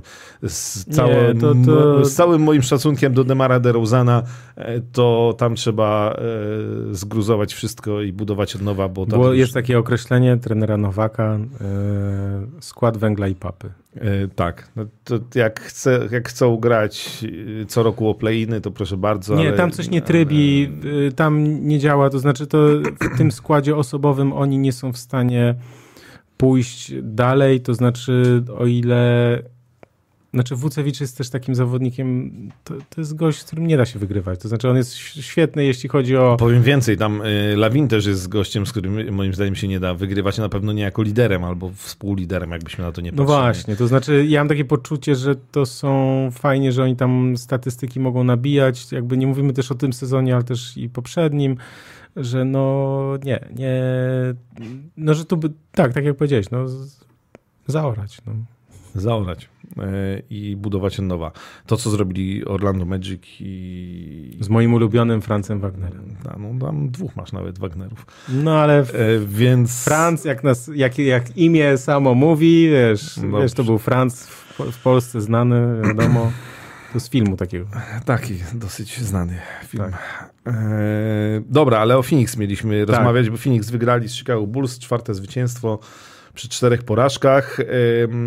Nie zagrali jeszcze meczu, w którym byłaby cała trójka. I... Co za niespodzianka. Tak, widzę, że tutaj ogromne zaskoczenie. Natomiast y, Kevin Durant generalnie gra chyba we wszystkich meczach, mm, jeśli niczego nie przegapiłem. Y, Devin Booker zagrał w pierwszym, bo to oglądałem, a później go chyba już nie było. Stary, Booker miał już trzy kontuzje. Y, Booker miał, ja poczekaj, bo ja tu też błysnę, bo w sensie mhm. oczywiście ten... On już miał trzy kontuzje, trzy różne, to znaczy miał no, urazy, tak? Powiedzmy, gdzieś tam chyba miał w meczach przedsezonowym palec u stopy to jest też tak czasem jakieś tam bolesne i tak dalej. Do tego skręcił kostkę i do tego naciągnął łydkę. A naciągnięta łydka to jest też taki, bo jeszcze kostka, no to wiadomo, tam podkręcona, jak podkręcona, no to tam chwila i, i wracasz, jak poważne, no to poważne i koniec, w sensie trzeba poczekać. Natomiast łydka to jest taki, wiesz, jak jest naciągnięta, nie wiadomo w co to się może przerodzić, to jest trochę jak pachwina, to znaczy to może być tydzień, a może być i trzy tygodnie, albo wiesz, albo w ogóle jeszcze, jeszcze, jeszcze, jeszcze gorzej. Tak więc jakby z Bookerem mm, ciężko w sensie tutaj właśnie, jeśli chodzi o jego zdrowie, tylko jakby czego się spodziewaliśmy? No znaczy, no te, właśnie tego. Tak, znaczy to są goście. Kevin Durant ma 35 lat, jest po bardzo poważnej kontuzji. I znaczy, trudno było oczekiwać czy spodziewać się czegoś innego, że, że oni nagle teraz będą grali, wiesz, zagrają razem 80 meczów, albo każdy zagra, nie wiem, po 75. To jest bardzo trudne do, nazwijmy to, przewidzenia do tego, żeby się stało, bo oczywiście, że każdy może doznać kontuzji, tylko są zawodnicy, którzy, yy, którzy są od wielu lat często kontuzjowani, opuszczają po 10, 15, 20 spotkań w sezonie i albo powinni być oszczędzani tak jak Durant, bo on nie może grać po 40 minut, w sensie, bo on po prostu, wiesz, skończy na tak zwanym y, wózku inwalidzkim, może troszkę przesadzam, ale w sensie takim, że to się źle skończy po prostu, mówiąc najogólniej, tak, że jakby musimy wziąć to po prostu pod uwagę, że on nie może grać po 40 minut, wiesz, całego sezonu i tak dalej, więc jakby no y, no nie wiem, co mam powiedzieć. Moim zdaniem jeszcze y, Jusuf Nurkic, bo ja tam coś oglądałem i ja nie mogę na gościa patrzeć. Y, I ten transfer Ejtona y, był tak głupi i wiesz, że ja rozumiem, że Ejton chciał odejść, tak? Tylko, że tylko, że tylko, że gdyby on został, to on by grał i zdobywał po 20 punktów. A on teraz chyba tam w Portland, to już musiałbym no teraz to, sprawdzić, to on, wiesz, tam prawie nie dostaje piłki i ogólnie się męczy, no. E, no to dobra, to ja tutaj akurat trochę to inaczej widzę. Znaczy, po pierwsze, Nurkic y, mógł to zrobić wcześniej, ale koniec końców to on zdobył zwycięskie punkty z Chicago, no ale to jest drobiazg. Natomiast y, tam Ejton chciał odejść, ale generalnie to w tej drużynie to mało kto się z Ejtonem dogadywał. To tam było więcej problemów, znaczy Ejton chcący grać na czwórce i tak dalej, więc nie wiem, czy to by się, czy to by się dało tak łatwo poukładać y, poza boiskiem, powiedzmy, jakby, czy, dobra, czy przełożyć to na boisko. Natomiast z całym ze wszystkimi tymi problemami Phoenix Suns z kontuzjami, których się spodziewaliśmy i które mogą ich prześladować, patrząc na to, ile już urazów, tak jak mówisz, e, ma Booker i te plecy Bradley'a Billa, które no zobaczymy, co, co, to będzie. Plecy to też jest to, wiem po sobie, plecy to e, też jest Natomiast boli. mimo wszystko e, Phoenix Suns generalnie mi się ogląda całkiem przyjemnie. Znaczy ja tu widzę nadzieję, w znaczeniu jeżeli oni a na przykład na playoffy będą zdrowi, wszyscy trzej w znaczeniu wiesz, Kevin Durant, Bradley Bill i Devin Booker, e, to jest to o wiele łatwiejsze do ułożenia niż na przykład Los Angeles Clippers. A to absolutnie się z panem zgadzam. E, na parkiecie. I to właściwie działa, nie chcę powiedzieć, że z automatu, ale ogólnie myślę, że na przykład Grayson Allen po tym meczu z Bulls był bardzo zadowolony, ile miał miejsca e, do oddawania sobie rzutów za trzy punkty. Oczywiście mm. Bulls też nie jest do końca dobrym wyznacznikiem, bo to nie z no Bulls właśnie. będą walczyć o mistrzostwo, nie? Ale... przypomnijmy, że, że Phoenix Suns przegrali dwukrotnie z San Antonio Spurs. E, I rzucił im 38 punktów. No tak, jeden, z czego jeden mecz na własne życzenie, ale drugi już jak najbardziej, e, tylko tam chyba tylko Kevin Durant wtedy grał, bo i Bill nie grał i tak. E, Booker nie grał, tak jak dobrze pamiętam. Natomiast natomiast... W tym drugim. W tym drugim. A w pierwszym grał. No grał, bo przecież była, grał, Booker, no, tam przecież tak, była tak, tak. spina z y, Jeremim i. Dobra, masz rację. To tak, no to, to rzeczywiście, no tak, to pierwszy mecz na własne życzenie Sans przegrali, ten drugi mm, dosyć zaskakująco mimo wszystko e, San Antonio dosyć spokojnie, e, mm, ale to od San Antonio zaraz jeszcze coś powiemy. Natomiast tak, wydaje mi się, że oni mają przyzwoitą ławkę rezerwowych. Y, wydaje mi się, że jest to dosyć łatwe do poukładania na parkiecie, e, tą współpracę tych trzech. I ja, mi tam Nurkic akurat pasuje. Znaczy, jako gość, który nie chce robić więcej niż to, co, to, czego od niego wymagają. On ma walczyć o zbiórki, on ma zbierać, on czasem e, ma właśnie, dostanie piłkę pod kosz, to niech to skończy i tyle. I wiadomo, jakie jest jego miejsce w drużynie. Więc Powiedziałbym, że o Phoenix Suns jestem dużo spokojniejszy niż o Clippers. Natomiast mniej spokojny na pewno niż o Minnesotę, no ale o Minnesotę jestem ogólnie spokojny na razie w tym momencie, a może to jest trochę zbyt optymistyczne. No, tu też uważajmy, w sensie taki początek dopiero i tak dalej. Ja tylko chcę powiedzieć, bo ty masz y, odnośnie tego Nurkicia, bo tu się zaraz o niego pobijemy. Wiesz, ja rozumiem, że on rzucił, bo ja nie widziałem tego meczu z Chicago, on rzucił dwie dychy, widzę tutaj 17 zbiórek, 8 asyst. Wow, to po prostu mecz życia. Y, Okej, okay. tylko w tych wcześniejszych po prostu, no to tam wiesz, w stylu 1 na 5, 2 na 5, 4 na 14 i tak dalej. No, y, wiesz, z Filadelfią też dostali tam srogie lanie i ogólnie kolega no Embiid go tam Znaczy wiemy, zmiażdżył. że z, wiesz, no z Jusufem Nurkiczem to też nie pójdziesz e, na Joela Embida. Znaczy co? pójdziesz na Jokicia? E, no, no, no, no nie, no nie pójdziesz. Natomiast e, no, możesz spróbować nim e, ograniczyć Jokicza w ataku mhm. i pozwolić swoim kolegom rzucać. To jest trochę Wiesz co, to jest trochę problem też jak Bostonu. No dobra, Porzingis jest lepszym zawodnikiem niż, e, niż Nurkic, okej, okay, ale... Trzy razy. Dobra, nie, już żebyśmy nam tutaj, żeby się Nurkicio podcast nie zrobił. Nurkiciostrat.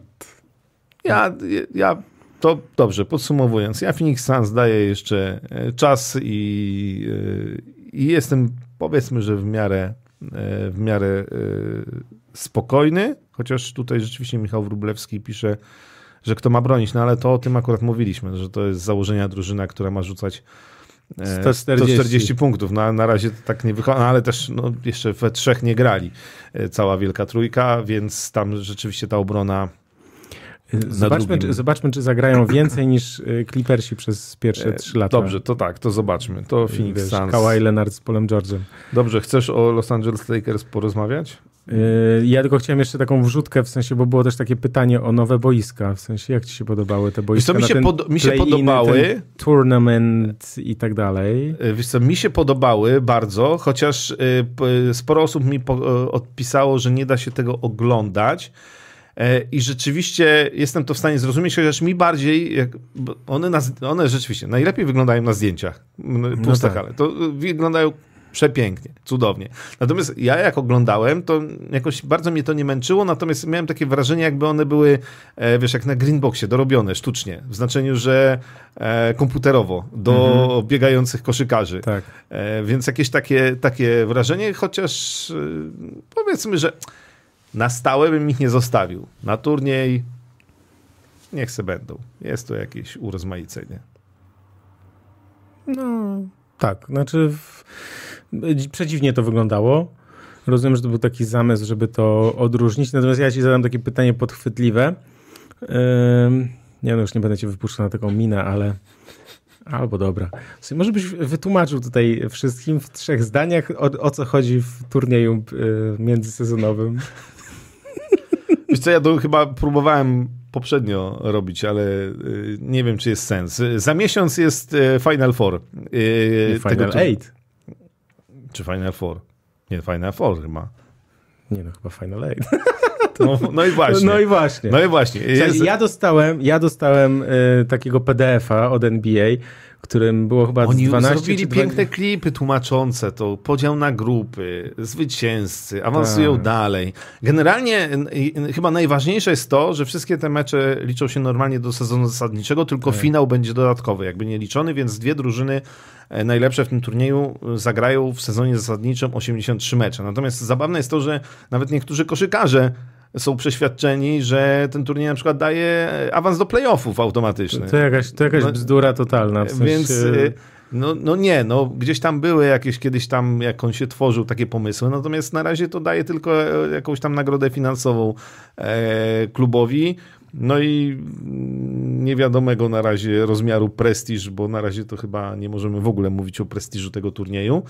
E, może w kolejnych latach to się jakoś rozwinie, zobaczymy.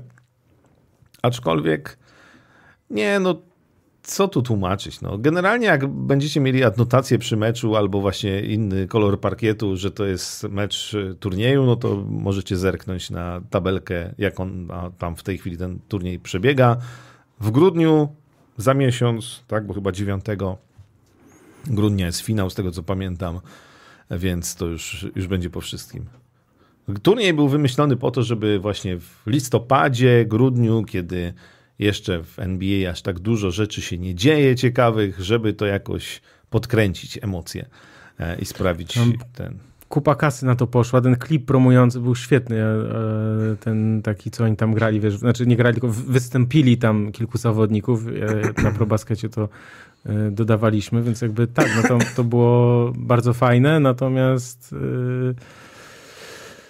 no, poziom skomplikowania też jakby, poczekaj, bo tu no, no ale wiesz, trzeba było to wpisać e, w sezon zasadniczy, to też nie było łatwe. Znaczy w Europie e, powiedzmy, że jak masz e, puchar polski, dajmy na to, czy puchar każdego kraju, to bierzesz, no, bierzesz jeden... Powiem ci nawet, kto, wy, kto wymyślił, kto był inicjatorem, jednym z inicjatorów tego, żeby puchar polski miał osiem drużyn. To jakby siedzi, no, ale, na, siedzi naprzeciwko ciebie. E, gratulujemy. Natomiast no, dużo, w, generalnie w większości krajów europejskich w tej chwili to tak wygląda, tak, że albo cztery, albo osiem drużyn e, spotyka się na turnieju, e, jest jeden weekend wyłączony z ligi, gramy turniej w jakimś tam mieście, no, nie wiem, w Hiszpanii to na przykład wygląda bardzo fajnie, e, co, mm, co roku to jest inne miasto gości, osiem drużyn, ćwierćfinały, półfinały, finał, jest spoko. Natomiast w NBA no nie mogłeś tego zrobić, no bo przerwać sezon i i co? I to tak naprawdę kiedy brać i jakie drużyny i na jakiej podstawie do tego turnieju, więc, więc gdzieś tam wymyślili sobie, że wpisujemy to w sezon zasadniczy na zasadzie, że no te mecze też liczą się do sezonu zasadniczego. No, no w Polsce Czyli to jest... trzeba w ten kalendarz cały wpisać. Nie, nie, tak? jasne, ja rozumiem. No w Polsce tak, że po prostu, że turniej był w lutym, natomiast yy, na dzień na Aha. dzień, na dzień tam, nie wiem, 15 czy tam 10 stycznia na podstawie... Tak, ale w NBA nie możesz zrobić w lutym, bo w lutym masz mecz gwiazd. Nie tak, możesz zrobić rozumiem. później, bo już wiesz, to już za chwilę playoff i tak dalej, a znowu robienie ośmiu najlepszych drużyn w listopadzie, wybieranie jest bez sensu po miesiącu ligi, więc... E, więc no tak, bo, e... znaczy e, jasne, rozumiem. E, ogólnie coś musieli wymyślić, wymyślili, zobaczymy jak to się wpisze. To jest też świetna okazja, ja sobie pomyślałem tak, kurczę, że wiesz, że Mm, polecieć na coś takiego. Jak to się rozwinie, to ja myślę, że za rok powinniśmy, wiesz, udać się na taki turniej. Nie, że lecisz, znaczy przy okazji oczywiście, najpierw turniej w Las Vegas, a potem jeszcze na parę meczów gdzieś oczywiście. No jakby no. ta część finałowa może być naprawdę, naprawdę fajna, no zobaczymy, bo to też jest na razie wszystko y, pod znakiem zapytania. No. Tak, znaczy znakiem zapytania jest, yy, chodzi o to, że jak... Yy, jak do tego zawodnicy podejdą, tak? Znaczy niby tam jest kasa wielka położona i... No ale to...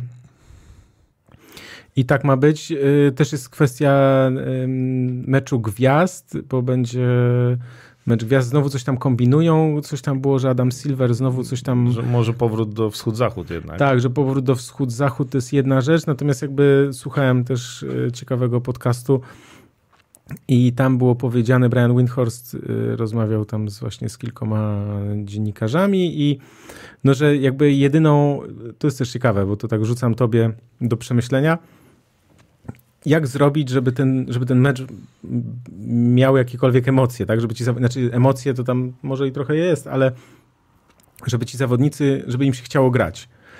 No i wiesz, i ostatnio było tak, że przecież ten mecz trwał już nie wiem, z 5 godzin chyba, bo jeszcze było wybieranie składów przed meczem, więc po tym jak oni wybrali, to oni potem poszli do szatni, żeby pozamieniać się na szatnie, zanim wiesz, oni tam się pozamieniali, pogadali, coś tam jeszcze, po, jeszcze raz rozgrzali, bo przecież wiesz, jakby wszystko tam było namieszanych, tych występów, tam koncertów, w sensie i tak dalej, i tak dalej, że jakby zawodnicy sami mówią, że no, no, no nie da się tak grać, że kiedy masz tak porozbijane, że w przerwie masz, wiesz, zamiast 15 minut i tak dalej, nagle wjeżdża ci pół godziny, czy tam jeszcze więcej na jakieś mhm. występy i tak dalej, więc yy, pomysł taki, który tam usłyszałem i który wydaje mi się, że mógłby naprawdę się sprawdzić i mógłby podnieść to do rangi mega, mega, mega, to jest Amerykanie na resztę świata. Albo Amerykanie i Kanadyjczycy, no bo teraz mamy ten, czyli Ameryka Północna na resztę świata. I teraz wiesz, pomyśl sobie, że taki Janis No nie wiadomo gdzie Embiid. No Embiid chyba jako Ameryka, tak? W No, sensie... Jak chce na igrzyska jechać w barwach Stanów Zjednoczonych, to chyba tak. No to powiedz, no dobra, no ale to masz teraz, wiesz, zobacz, takiego Janisa, Jokicia, Doncicia. Doncicza. Nie, no tak, tak, tak. No, jakby w obecnych czasach, gdzie rzeczywiście w NBA jest mnóstwo, no znowu ten sezon jest kolejnym rekordowym pod względem zawodników spoza Stanów Zjednoczonych, e, to to jest jakaś opcja, nie nowa też, bo tu już raczej y, jakby tak czy inaczej wracamy do czegoś, co było. Znaczy albo wschód-zachód to było, ta opcja Stany Zjednoczone, reszta świata też była w wielu zakątkach świata, także w Polsce przerabiana. E, my kontra obcokrajowcy i tak dalej, więc, y, więc tak, natomiast no, to jest problem z meczem gwiazd, y, że żeby zmusić, zmusić, nie wiem, zmobilizować do rywalizacji e, zawodników, bo, bo rzeczywiście w ostatnich latach się tego oglądać nie da. I najbardziej, najciekawszą częścią meczu gwiazd jest tak naprawdę wybieranie składów. Wtedy są emocje, a sama gra to już taka mocno letnia. Tak. Y, Los Angeles Lakers? Proszę. Ale to ja, że mam mówić? Przegrali z Houston Rockets. Było pytanie o to, jakie drużyny warto oglądać. Nie, czy chyba z takim Zaskoczyły te- Zaskoczyły na... Mhm. Tak, coś takiego było. E, Houston, nie wiem, czy... Ale generalnie Houston, Orlando, Oklahoma, dzisiaj o nich mało mówimy. No albo- ale koszulka za mną ale chyba mówi... koszulka Szaja tak jest. E, To są drużyny, tak, Orlando, Houston i Oklahoma to są drużyny fajne do oglądania. San Antonio Spurs, o nich zaraz powiemy też, ale to z różnych innych też względów. Natomiast, no właśnie, Houston dzisiaj w nocy rozbiło Lakers 128 do 94. To była jakaś masakra. E, I w ogóle, no w- to też jest z tego powodu ciekawe, że w Houston na parkiet wybiegło 13 zawodników w całym meczu, 11 y, spędziło ponad 10 minut. E, Więc y, tak jak mówimy, gdzieś tam Boston, tak, że gra właściwie tylko piątka i, i brakuje ławki, no to w, oczywiście w Houston cele inne. Nie? Houston nie będzie walczyło o mistrzostwo. Natomiast Natomiast y, tam jest całkiem taki ciekawy skład, bym powiedział. E, No i Lakers się o tym przekonali, chociaż grali bez Antonego Davisa, no bo kontuzja Tak. w poprzednim meczu. E, Laker, y, LeBron tym razem tylko 28 minut, bo miał też No bo już tak przegrywali, że już to nie miało sensu, natomiast jest ten problem, że oni z Lebronem na boisku grają dobrze, natomiast bez Lebrona grają fatalnie. i on miał mieć o, minuty mm, limitowane, a A- gra po 40. Tak, i to jest jakby ten problem. Yy, Austin Reeves na razie nie może się odnaleźć po tej grze dla kadry w Stanach Zjednoczonych, dla Stanów Zjednoczonych. On na razie nie może się odnaleźć ogólnie w ogóle na boisku. Yy, No i taki jest problem z Los Angeles Lakers, że no Gabe Vincent też nie gra, Rui Hachimura też nie gra. Ja mam takie obawy, że Gabe Vincent to jest taki zawodnik, który tutaj będzie em, tak jak Kendrick Nunn, który przyszedł, ale w zasadzie to nie grał praktycznie w ogóle, bo miał kontuzję. Natomiast, że taki zawodnik, który błysnął w poprzednim sezonie, natomiast ja mam obawy, czy to jest zawodnik, który jest w stanie utrzymać ten wysoki e, poziom. E, Niesamowite jest to, że nagle Christian Wood nam tutaj wyrasta do miana zawodnika, który w ogóle gdzieś tam, wiesz, ma dodatni bilans, jeśli chodzi o obronę. W ogóle to jest też e, zaskakujące. Natomiast y, tak, Lakers nie mają kim grać, jeśli chodzi o atak. Znów fatalnie rzucają za trzy punkty, bo chyba są najgorszą drużyną, jeśli chodzi o rzuty za trzy punkty, albo drugą od końca. Y, I źle to wygląda, bo znów Anton Davis doznał kontuzji y, i nie wiadomo, ile będzie grał. E, No i LeBron James, który miałby to wszystko na swoich barkach powie, przewieźć, dowieść, 39 lat, nie, to, to się Czy nie powiedzmy, oglądajmy LeBrona Jamesa, bo e, niedługo już e, nie będziemy go e, mogli oglądać. To pod tym takiej względem formie na tak, przykład, na pewno, Tak, tak? natomiast e, no, to jest za dużo na niego i ci Lakers nie wyglądają. Tak, bo to, jest, bo to ja chcę powiedzieć taką ważną rzecz, że, że to się może źle skończyć. To znaczy, że nie możesz tego robić z zawodnikiem w takim wieku, ja wiem, że LeBron jest robokopem, ale te ostatnie lata, kilka lat i tak pokazało, że on tym robokopem już nie jest, tak? bo miał przecież kilka poważnych kontuzji, takich wykluczających z gry na kilkanaście, kilkadziesiąt nawet tam spotkań. E, więc y, Los Angeles Lakers, bo tak żeśmy się trochę zachwycali na zasadzie takiej, no Lakers tam się wzmocnili po tym sezonie, przecież grali tak... E, to momentami to wyglądało dobrze. Znaczy warunek musi być taki, że LeBron i Anthony Davis muszą być y, zdrowi i w formie. No i ta reszta generalnie też. Tam na razie tak momenty były, natomiast te ostatnie mecze no, są takie, że nie znaczy, tak, Anton Davis grał bardzo dobrze, jak grał, to znaczy, wiesz, miał tam i po 12, 12 zbiórek średnio i 24 punkty na mecz, ale nie rzucał za 3 punkty, mimo że trener przecież chciał... Ile trener chciał, żeby oddawał rzutów na mecz? Który za 3? Nie wiem, dużo. 8. A ile oddaje? Zero. Nie, jeden. jeden. No, jeden, no. Średnio, tak, więc jakby tu jest y, niestety to, to nie działa.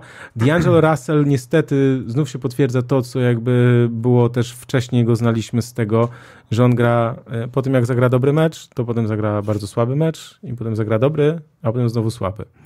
Rui, ten Austin Reeves się nie, nie może odnaleźć. Y, Rui Hachimura zagrał na razie w, tylko w czterech meczach.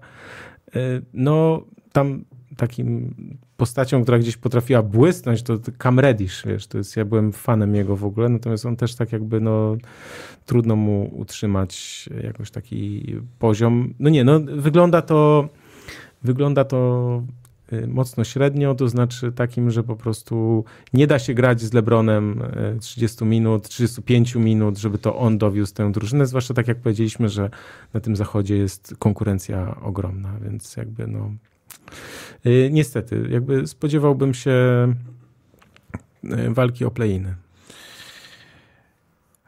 Tak. Natomiast y, przeglądam jeszcze, co tu mam na moich kartkach. Magicznych notatkach. No, Może Dallas masz? Mam, wiesz co? To pan tylko, mówi, bo tylko, już zaraz kończymy. Tak, ja wiem, właśnie dlatego chciałem już krótko tylko powiedzieć, że Szaj dzisiaj, ponieważ koszulka wisi, 40, 43 punkty. Tak, 43. E, i praktycznie bez rzutów za trzy punkty, bo tylko dwa oddał, jeden trafił. On jest tak niesamowity. To... znaczy, jeśli ktoś, jeśli ktoś tak jest, y, skupia się tylko na tych najlepszych drużynach i gdzieś tam nie ogląda zbyt często meczów, albo jak się zastanawia na przykład, który mecz obejrzeć, to ja naprawdę polecam Oklahoma City Thunder.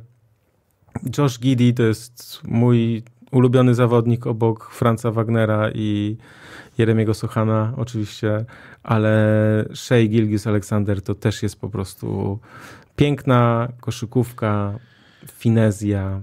No i dzisiaj wygrali z Cleveland. Y, jak pytacie, kto rozczarowuje, to Cleveland mm, na razie mnie też rozczarowuje. Memphis to myślę, że e, mimo wszystko mało kto się spodziewał, że będą mieli tak fatalny start. Ale wiesz co, to chciałem powiedzieć, yy, znów takie, a nie mówiłem, ale nie do końca to mówiłem, bo ja pamiętam, że w tym zestawieniu dałem Memphis niżej niż ty.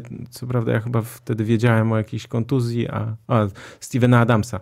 Ale wiesz co, mnie, ja od Memphis tylko chciałem minutkę, bo ja mam takie poczucie, że trochę że to, co oni grali wcześniej, było trochę na wyrost. To znaczy, tam był Steven Adams i on to bardzo, tam tą obronę, defensywę bardzo trzymał. Moim zdaniem Jaren Jackson Jr. jest niestety przereklamowany i ja trochę nie zgadzam się z tą opinią, że on jest takim wybitnym obrońcą, w sensie takim, że to jest taki zawodnik, że znaczy, że nie można go stawiać trochę w takiej kategorii, że on jest wybitnym obrońcą, dlatego że okej, okay, oczywiście, że on dużo, yy, nie wiem, dużo blokuje, ale też łapie strasznie dużo fauli i przez to gra potem mniej.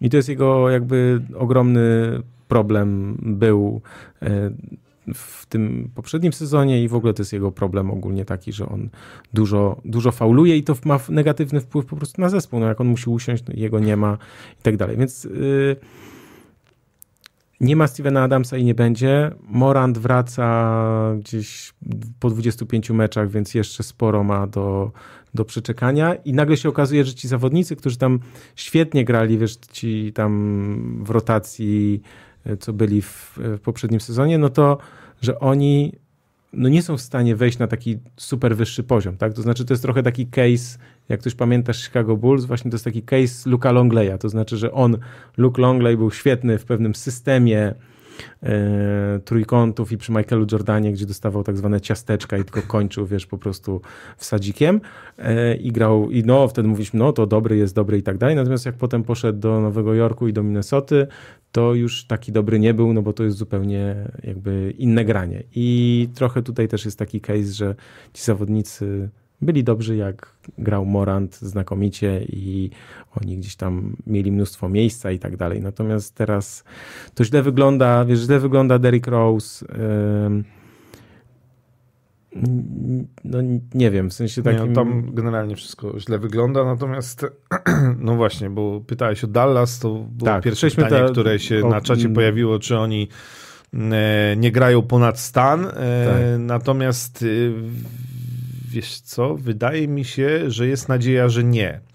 E, bardzo mi się podoba pomysł, wiesz, niby oczywisty, z drugiej strony patrzymy na Clippers i Russella Westbrooka i nie zawsze możliwy do wykonania, czyli Team Hardaway wchodzący z ławki rezerwowych. Mhm. E, super wygląda. Natomiast przede wszystkim, no, generalnie tak popatrzyłem na ten skład y, Dallas, i jakoś tak, nie wiem, przed sezonem to on mi tak nie wyglądał, a teraz jak już patrzę na ich grę, to, to może coś z tego będzie. Oczywiście to się kręci wszystko wokół Luki, Doncicza i Kyriego Irvinga i oni na razie dogadują się ze sobą na parkie. Zresztą oni się już, powiedzmy, że oni akurat to się dogadywali w poprzednim sezonie. Znaczy, jeśli Kyrie Irving czegoś nie odwali, e, bardziej pozaboiskowego, tylko skupi się na koszykówce, mm -hmm to, y, to, to Dallas Mavericks to jeszcze może trochę namieszać. Oni mają w tej chwili bilans 6-2, y, 6 meczów wygranych, dwie porażki akurat dzisiaj w nocy przegrali z Toronto.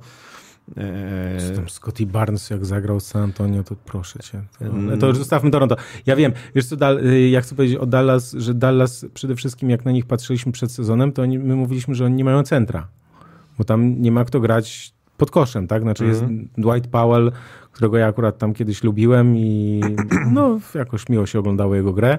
E, Mądrak, tak zwana koszykówka. Natomiast tam jest taki chłopak i teraz ja, mimo że oglądałem, to teraz mam taki, wiesz, e, dziurę i nie pamiętam, czy się mówi li lively. Lively, tak? No właśnie, lively, tak. No. I nagle się okazuje, że ten młody chłopaczek, e, wiesz, o budowie trochę siatkarza, szczupły, no on ma, on ma z 2,15 wzrostu, jak nie ten, jak nie lepiej. E, to kurczę, to on nagle się okazuje, że on jest gotowy do grania. To znaczy, mhm. że on spokojnie może zbierać, walczyć, dobijać, kończyć akcje e, z góry i też może wiesz, gdzieś tam walczyć w obronie. Więc tu mi się wydaje, że tu jest bardzo duże takie zaskoczenie na plus, że ten chłopak jest w stanie no, że jest w stanie grać, tak? W ogóle na tym, na tym poziomie z tymi zawodnikami, z tymi partnerami, bo to, co powiedziałeś, tak? Jest Luka, jest Kyrie, jest Tim Hardaway Jr. z ławki, przyszedł Grant Williams, oczywiście, to też warto to, mhm. warto to e, docenić i, i zauważyć. Natomiast, no, potem, wiesz, Josh Green czy Jaden Hardy, no to tak nie mieliśmy przekonania do tego, że to są wybitni zawodnicy, tak? W sensie, którzy tutaj mogą gdzieś coś namieszać. Natomiast tak, wydaje mi się, że ta zmiana, znaczy ta odkrycie tego Lively'a, Lively, tak, e, że jego odkrycie to, to też jest duży plus bardzo, w sensie takim, że, że to, to nie mówię, że to jest game changer, no bo gdyby Luka nie grał tak znakomicie, no to oczywiście oni by tak nie grali świetnie, tak? No to też jest niespodzianka, sezon się zaczął, Luka Doncic jest w formie i przygotowany Ale wiesz co, pytanie, pytanie pytanie, czy to nie jest na świeżości, no. Wiesz, jak to jest na świeżości, słuchaj, jak ktoś mocno nie przetrenował okresu przygotowawczego, to, w, to początek sezonu ma na świeżości, a potem się okaże, że spuchnięty, no. No, zobaczymy, ale rzeczywiście Dallas, powiedziałbym, że wygląda to nader obiecująco. Yy, I chyba tym optymistycznym akcentem przejdziemy sobie na koniec do San Antonio Spurs. Proszę. Yy, którzy mają w tej chwili bilans 3-5 Mhm. E, trzy zwycięstwa, pięć porażek, z tych trzech zwycięstw dwa, jak już wspomnieliśmy, nad Phoenix Suns. E, były momenty, e, były też porażki bolesne, jak chociażby minionej nocy z New York Knicks 105 do 126. Co ja bym chciał powiedzieć o San Antonio Spurs? Proszę. Bo różne głosy się, ze względu też na to, że Jeremy Sochan, więc jakby to zainteresowanie w Polsce tą drużyną, czasami ludzi, którzy niekoniecznie e, interesują się NBA czy koszykówką na co dzień, e, jakby jest większe, mhm. to warto to powtórzyć. Znaczy San Antonio Spurs w tym sezonie nie walczą i nie będą walczyć o mistrzostwo. Oni być może będą walczyć o mistrzostwo w optymistycznym wariancie, być może nawet w tym składzie albo zbliżony, jeśli wszystko się będzie dobrze rozwijać. W perspektywie pięciu lat, y, bo to jest ten kontrakt wielki e, Grega Popowicza, trenera, e, podpisany pięcioletni, czyli on prawie do osiemdziesiątki będzie prowadził tę drużynę, może dłużej, nie wiem. Na razie jest ciągle w przyzwoitej formie, e, szczególnie jak to Greg Popowicz e, mentalnej, e, psychicznej, o tak, no, czy fizycznej chyba też.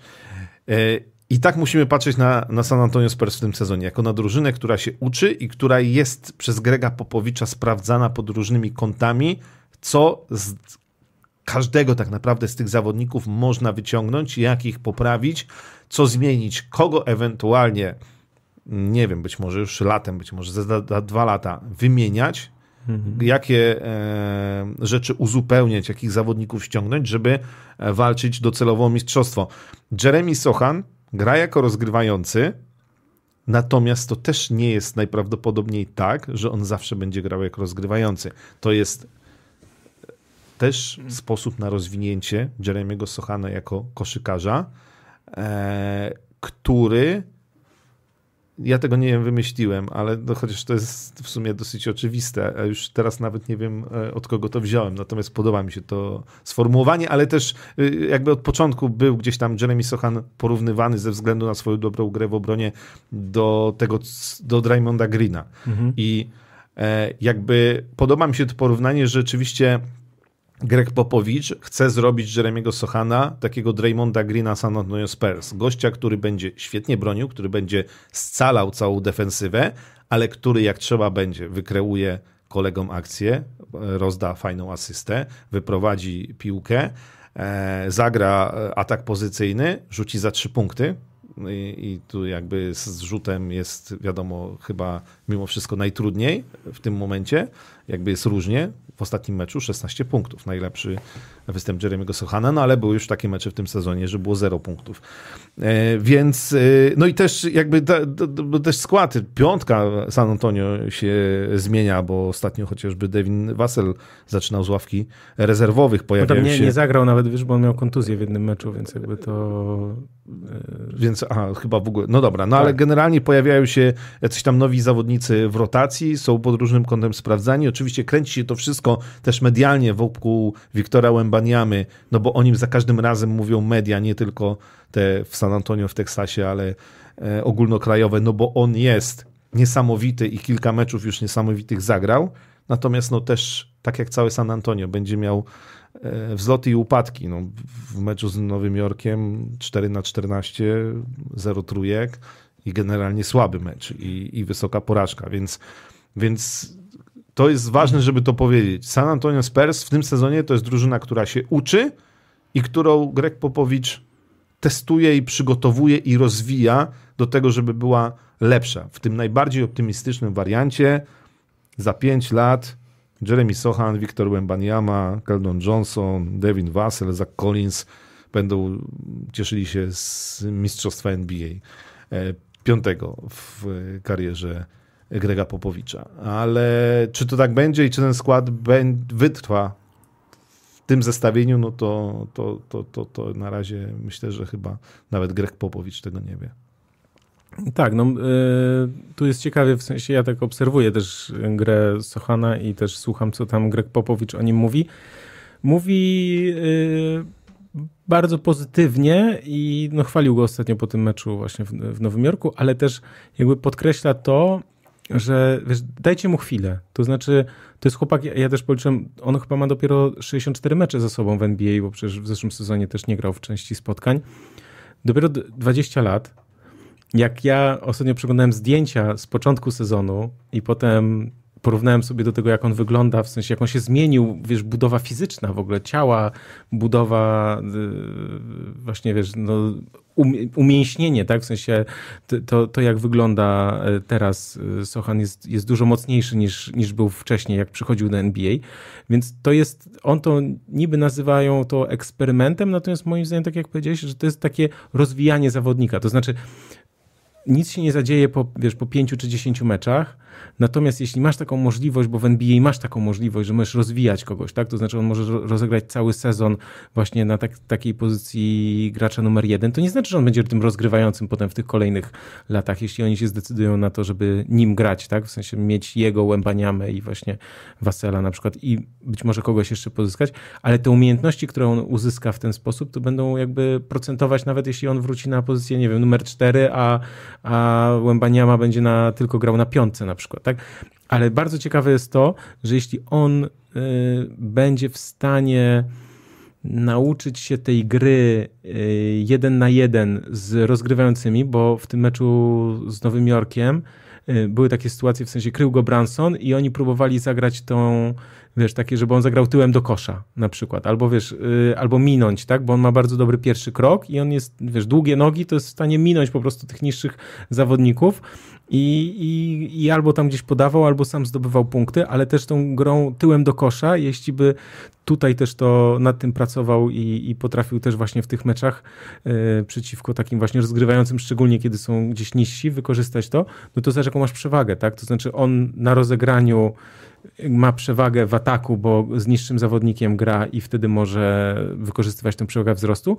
Natomiast w obronie jest owszem wyższy, ale nie traci na tym e, defensywa drużyny, dlatego że on jest w stanie wybronić tych zawodników, którzy są od niego niżsi, dlatego że jest po prostu tak sprawny i tak szybki. Więc to jest bardzo ciekawe, mm, ciekawe podejście i taki eksperyment i, i to właśnie takie budowanie też zawodnika bardzo też lubię za to NBA, nie ukrywam, że właśnie, wiesz, że, że tam nie ma tak jak w Europie, czy wszyscy praktycznie się biją o najwyższe cele, możesz spać z ligi, wiesz, musisz ściągać tam, no mało jest drużyn, które są w stanie tak naprawdę inwestować w zawodników, tak patrzeć na nich perspektywicznie, długofalowo i tak dalej, no bo wiesz, wiadomo, no boisz się, że sponsor odejdzie, boisz się, że kibice będą wkurzeni, boisz się o tam mnóstwo różnych e, rzeczy, natomiast tak w NBA jest trochę to myślenie jest inne i właśnie jest nastawione na ten development i, te, i ten rozwój i to jest yy, no piękne też jak się obserwuje, bo to nie, ja nie mówię tylko o Sochanie, ale wiesz na przykład nie wiem Franz Wagner właśnie jak się rozwinął, czy,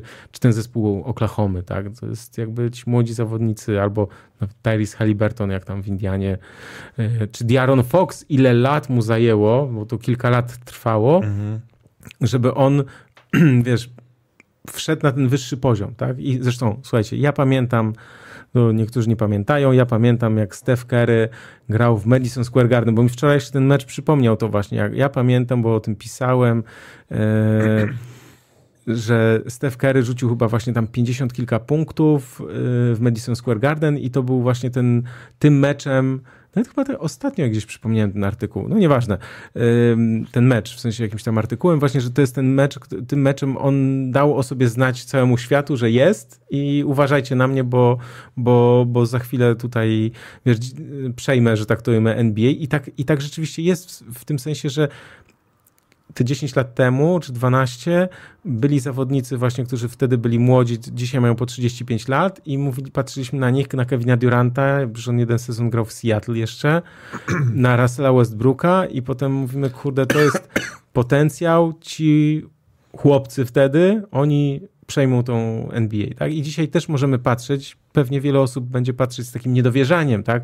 No gdzie tam ten tam ma 21 lat, czy 20, 22, no teraz oni przecież wszystko przegrywają i tak dalej, ale wiesz, dzisiaj patrzymy na tych zawodników, na tych właśnie 20, 21, 2, 3 latków i możemy się zastanawiać, patrzeć, obserwować, oni za 10 lat będą tymi najlepszymi, tak? Bo Stefa Kerego już nie będzie, LeBrona Jamesa już nie będzie i, i, to, i to oni będą tymi najlepszymi, a będą oczywiście kolejni na ich miejsce, ale to oni też będą musieli przejść tę drogę. Więc to jest moim zdaniem bardzo ciekawe, ten taki e, proces e, do obserwowania i tego, co tutaj się będzie działo w San Antonio, no bo rzeczywiście perspektywa jest o, niesamowita. Ja, miałem, ja mam jedną wątpliwość i muszę przyznać się do tego, że taka nutka zawahania się we mnie pojawiła, bo ja mówiłem, że Wiktor Wembaniama będzie na pewno Rookie of the Year i w ogóle nie ma w ogóle żadnych tutaj wątpliwości co do tego.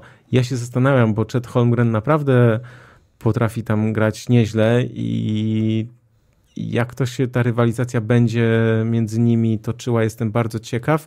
Holmgren ma tę przewagę, że raz, że jest starszy, a dwa, że ma za sobą ten rok już bycia w drużynie, to znaczy on nie grał z powodu kontuzji, ale on tak jak Blake Griffin był w zespole.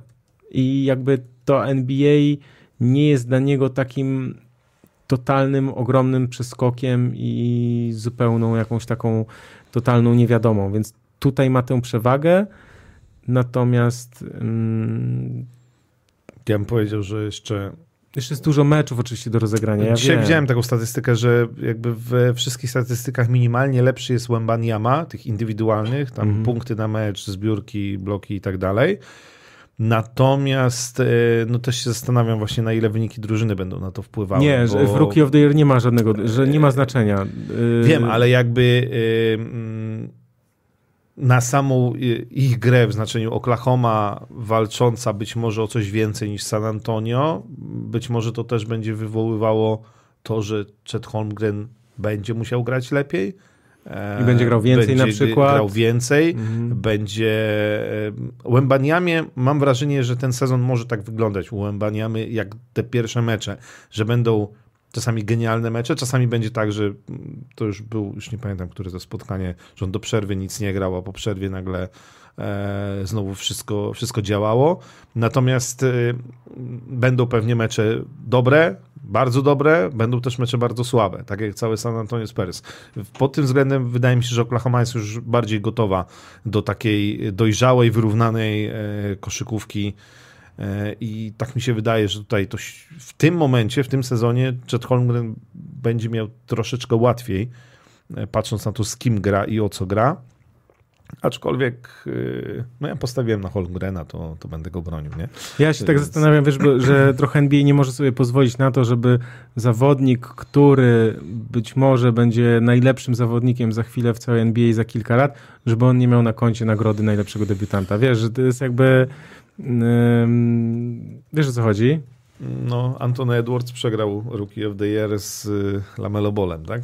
E, Jeśli dobrze pamiętam. E, No tak, ale Anthony Edwards nie był typowany do tego, żeby Nie, być no, wiem, największym, znaczy nie, nie był nigdy największym talentem od czasów LeBrona chodzi. Jamesa, nie? Tak, jeszcze wrzucam, bo taką informację to ja mam, że możecie nas zaprosić na wirtualną kawę i tu jest taki link, tam się człowiek może, bez żadnego logowania po prostu można tam coś przekazać, jakby ktoś E, chciał. to ja do kawy i na koniec jeszcze powiem tą No, no. kronikę towarzyską. No dobra, to masz Bo dwie było minuty. dzisiaj, było dzisiaj o ojcach, tak? Zion i Tak. e, Derek White. E, więc tak. A swoją drogą Derek White w tamtym sezonie nie opuścił żadnego meczu, a teraz dwa opuścił właśnie ze względu na to, że został tatą. Natomiast y, i, no, to jest historia, która, znaczy ona już nie jest nowa i się ciągnie, natomiast chyba tutaj u nas nie było, ale to jest historia, która mnie rozbroiła, ponieważ e, szykuje się ślub Markusa Jordana, czyli syna Michaela O Jezu. Jordana z Larsą Pippen, czyli e, byłą żoną Scottiego Pippena, więc jest 16 taki... lat różnicy chyba, E, tak? Tak, tak. No, nie wypominając kobietom wieku, Larsa jest jednak trochę bardziej doświadczona. do- Zresztą, dojrzała. zresztą tak, no zresztą wiadomo, jak była żoną Scottiego Pippena. E, zresztą do niedawna, bo oni chyba bodajże dwa lata temu wzięli rozwód ostatecznie. E, natomiast e, mm, jeszcze była dobra opcja, bo Michael Jordan został w ogóle zapytany. E, pytanie źle postawione, bo nie pozwoli mu się rozwinąć. Mhm. Czy popiera związek swojego syna z Larsą Pippen? Odpowiedział nie. No i, i jakby wszystko jasne, e, ale E, ale no cóż, no podobno, podobno Markus Jordan chce, żeby Michael Jordan, jego ojciec był świadkiem na ślubie. Nie wiem, jak to, to, to spore problemy. Dziwna, pokręcona strasznie historia. To wiesz, te 16 lat różnicy i jeszcze ta konotacja, w sensie ta, że to przecież Pippen, jak się musi Scotty Pippen? Kumpel. Nie, to znaczy, jest... syn kumpla z jego byłą żoną. Tak, no dobra, no nieważne. E, no trudno. W sensie życzymy im wszystkiego najlepszego oczywiście, natomiast no jest to tak, ja bym to nazwał trochę sytuacją niezręczną, no powiedzmy. E, ja jeszcze chciałem się odnieść, bo był taki komentarz na początku, jakby ja nie unikam oczywiście części nie widzę, więc jakby ktoś chciał jeszcze coś, co umknęło, to oczywiście proszę zadać w komentarzu pod nagraniem, bo już zaraz kończymy. Ja natomiast chciałem się odnieść, ponieważ ostatnio się pojawiły na ProBaskecie takie reklamy. Część zniknęła, a część nowa się pojawiła. No słuchajcie, yy, wiem, że one mogą być troszkę takie uporczywe, czy troszkę gdzieś tam zasłaniające i tak dalej, no ale yy, taką ofertę, taką ofertę dostałem, że po prostu nie mogłem odmówić. Dzięki temu się tak naprawdę tutaj spotykamy i yy, no to, tak, to są tak zwane czasem takie strzały, dosyć mocne, zaskakujące i e, no tak po prostu muszę się trochę wytłumaczyć, że, że pewnie ich nie będzie za miesiąc, bo, bo pewnie, pewnie już jakby to nie będzie takim aż takim strzałem, że tak to wiemy, natomiast jak po prostu zostało zaproponowane duża kwota, więc się na to po prostu zgodziłem, na to, żeby, po to, żeby po prostu móc dalej też rozwijać ProBasket i podcast, żebyśmy tu się mogli spotykać też i, i nagrywać.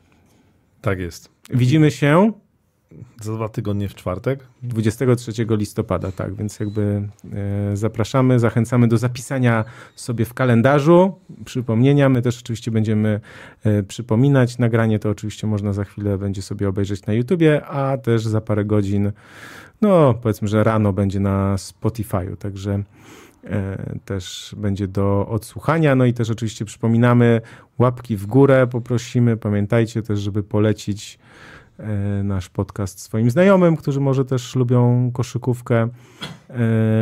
I co? Jeszcze raz e, dziękujemy Mateuszowi, który nas tutaj odwiedził i pomógł nam tutaj w pewnych takich kwestiach technicznych. Dziękujemy Jonaszowi, który to jest realizatorem i wydawcą i E, kierownikiem e, produkcji w jednym. Coś jeszcze chciałeś powiedzieć? Nie. No dobrze, to dziękujemy bardzo. Wszystko, wszystko, wszystko, wszystko, tak. Dobra. Przez najbliższe dwa tygodnie trzeba teraz trochę inne drużyny pooglądać. Tak, trzeba pooglądać. Jak będziecie mieli też jakieś tam tematy do podrzucenia, to też na przykład możecie nam e, podrzucać. Redakcja małpa.probasket.pl też można napisać maila zachęcam. Też można pogadać, jak gdzieś nas spotkacie, to też możecie z nami pogadać, bo ostatnio też muszę ci tylko powiedzieć na koniec, że co jakiś czas, y, ponieważ chodzę sobie w takie miejsce, gdzie y, uprawiam sport, a raczej sport siłowy, to czasem mnie zagadują różne osoby, pytają, czy ja to ja i tak wiesz, można sobie pogadać chwilę o NBA. Ja zawsze chętnie pogadam o NBA, może nie przez godzinę, bo, bo może nie, ale jakby ktoś mnie gdzieś tam spotkał i tak dalej, to ja zawsze gdzieś tam 50 minut chętnie o NBA wymienię parę zdań. O Milwaukee Bucks nie rozmawialiśmy dzisiaj. A i o tym, że tego Janisa wyrzuci... Mieliśmy o tym w ogóle powiedzieć, w sensie, że to jest kryminał, to musicie na probaskecie sobie wejść, zobaczyć, za co Janis został wyrzucony i tak na koniec tylko chcę powiedzieć, że to jest skandal i NBA powinna już zmienić te przepisy i nie może być tak, że za spojrzenie na rywala przez chwilę dostaje się przewinienie techniczne, bo to jest zabijanie gry, bez sensu, po prostu. To się zgadzamy, bez sensu. Dobrze. Y, bardzo dziękujemy. Krzysztof Sendecki był ze mną. Ja się nazywam Michał Pacuda. Widzimy się za dwa tygodnie i słyszymy. Dziękujemy. Do zobaczenia. Dobranoc. Cześć.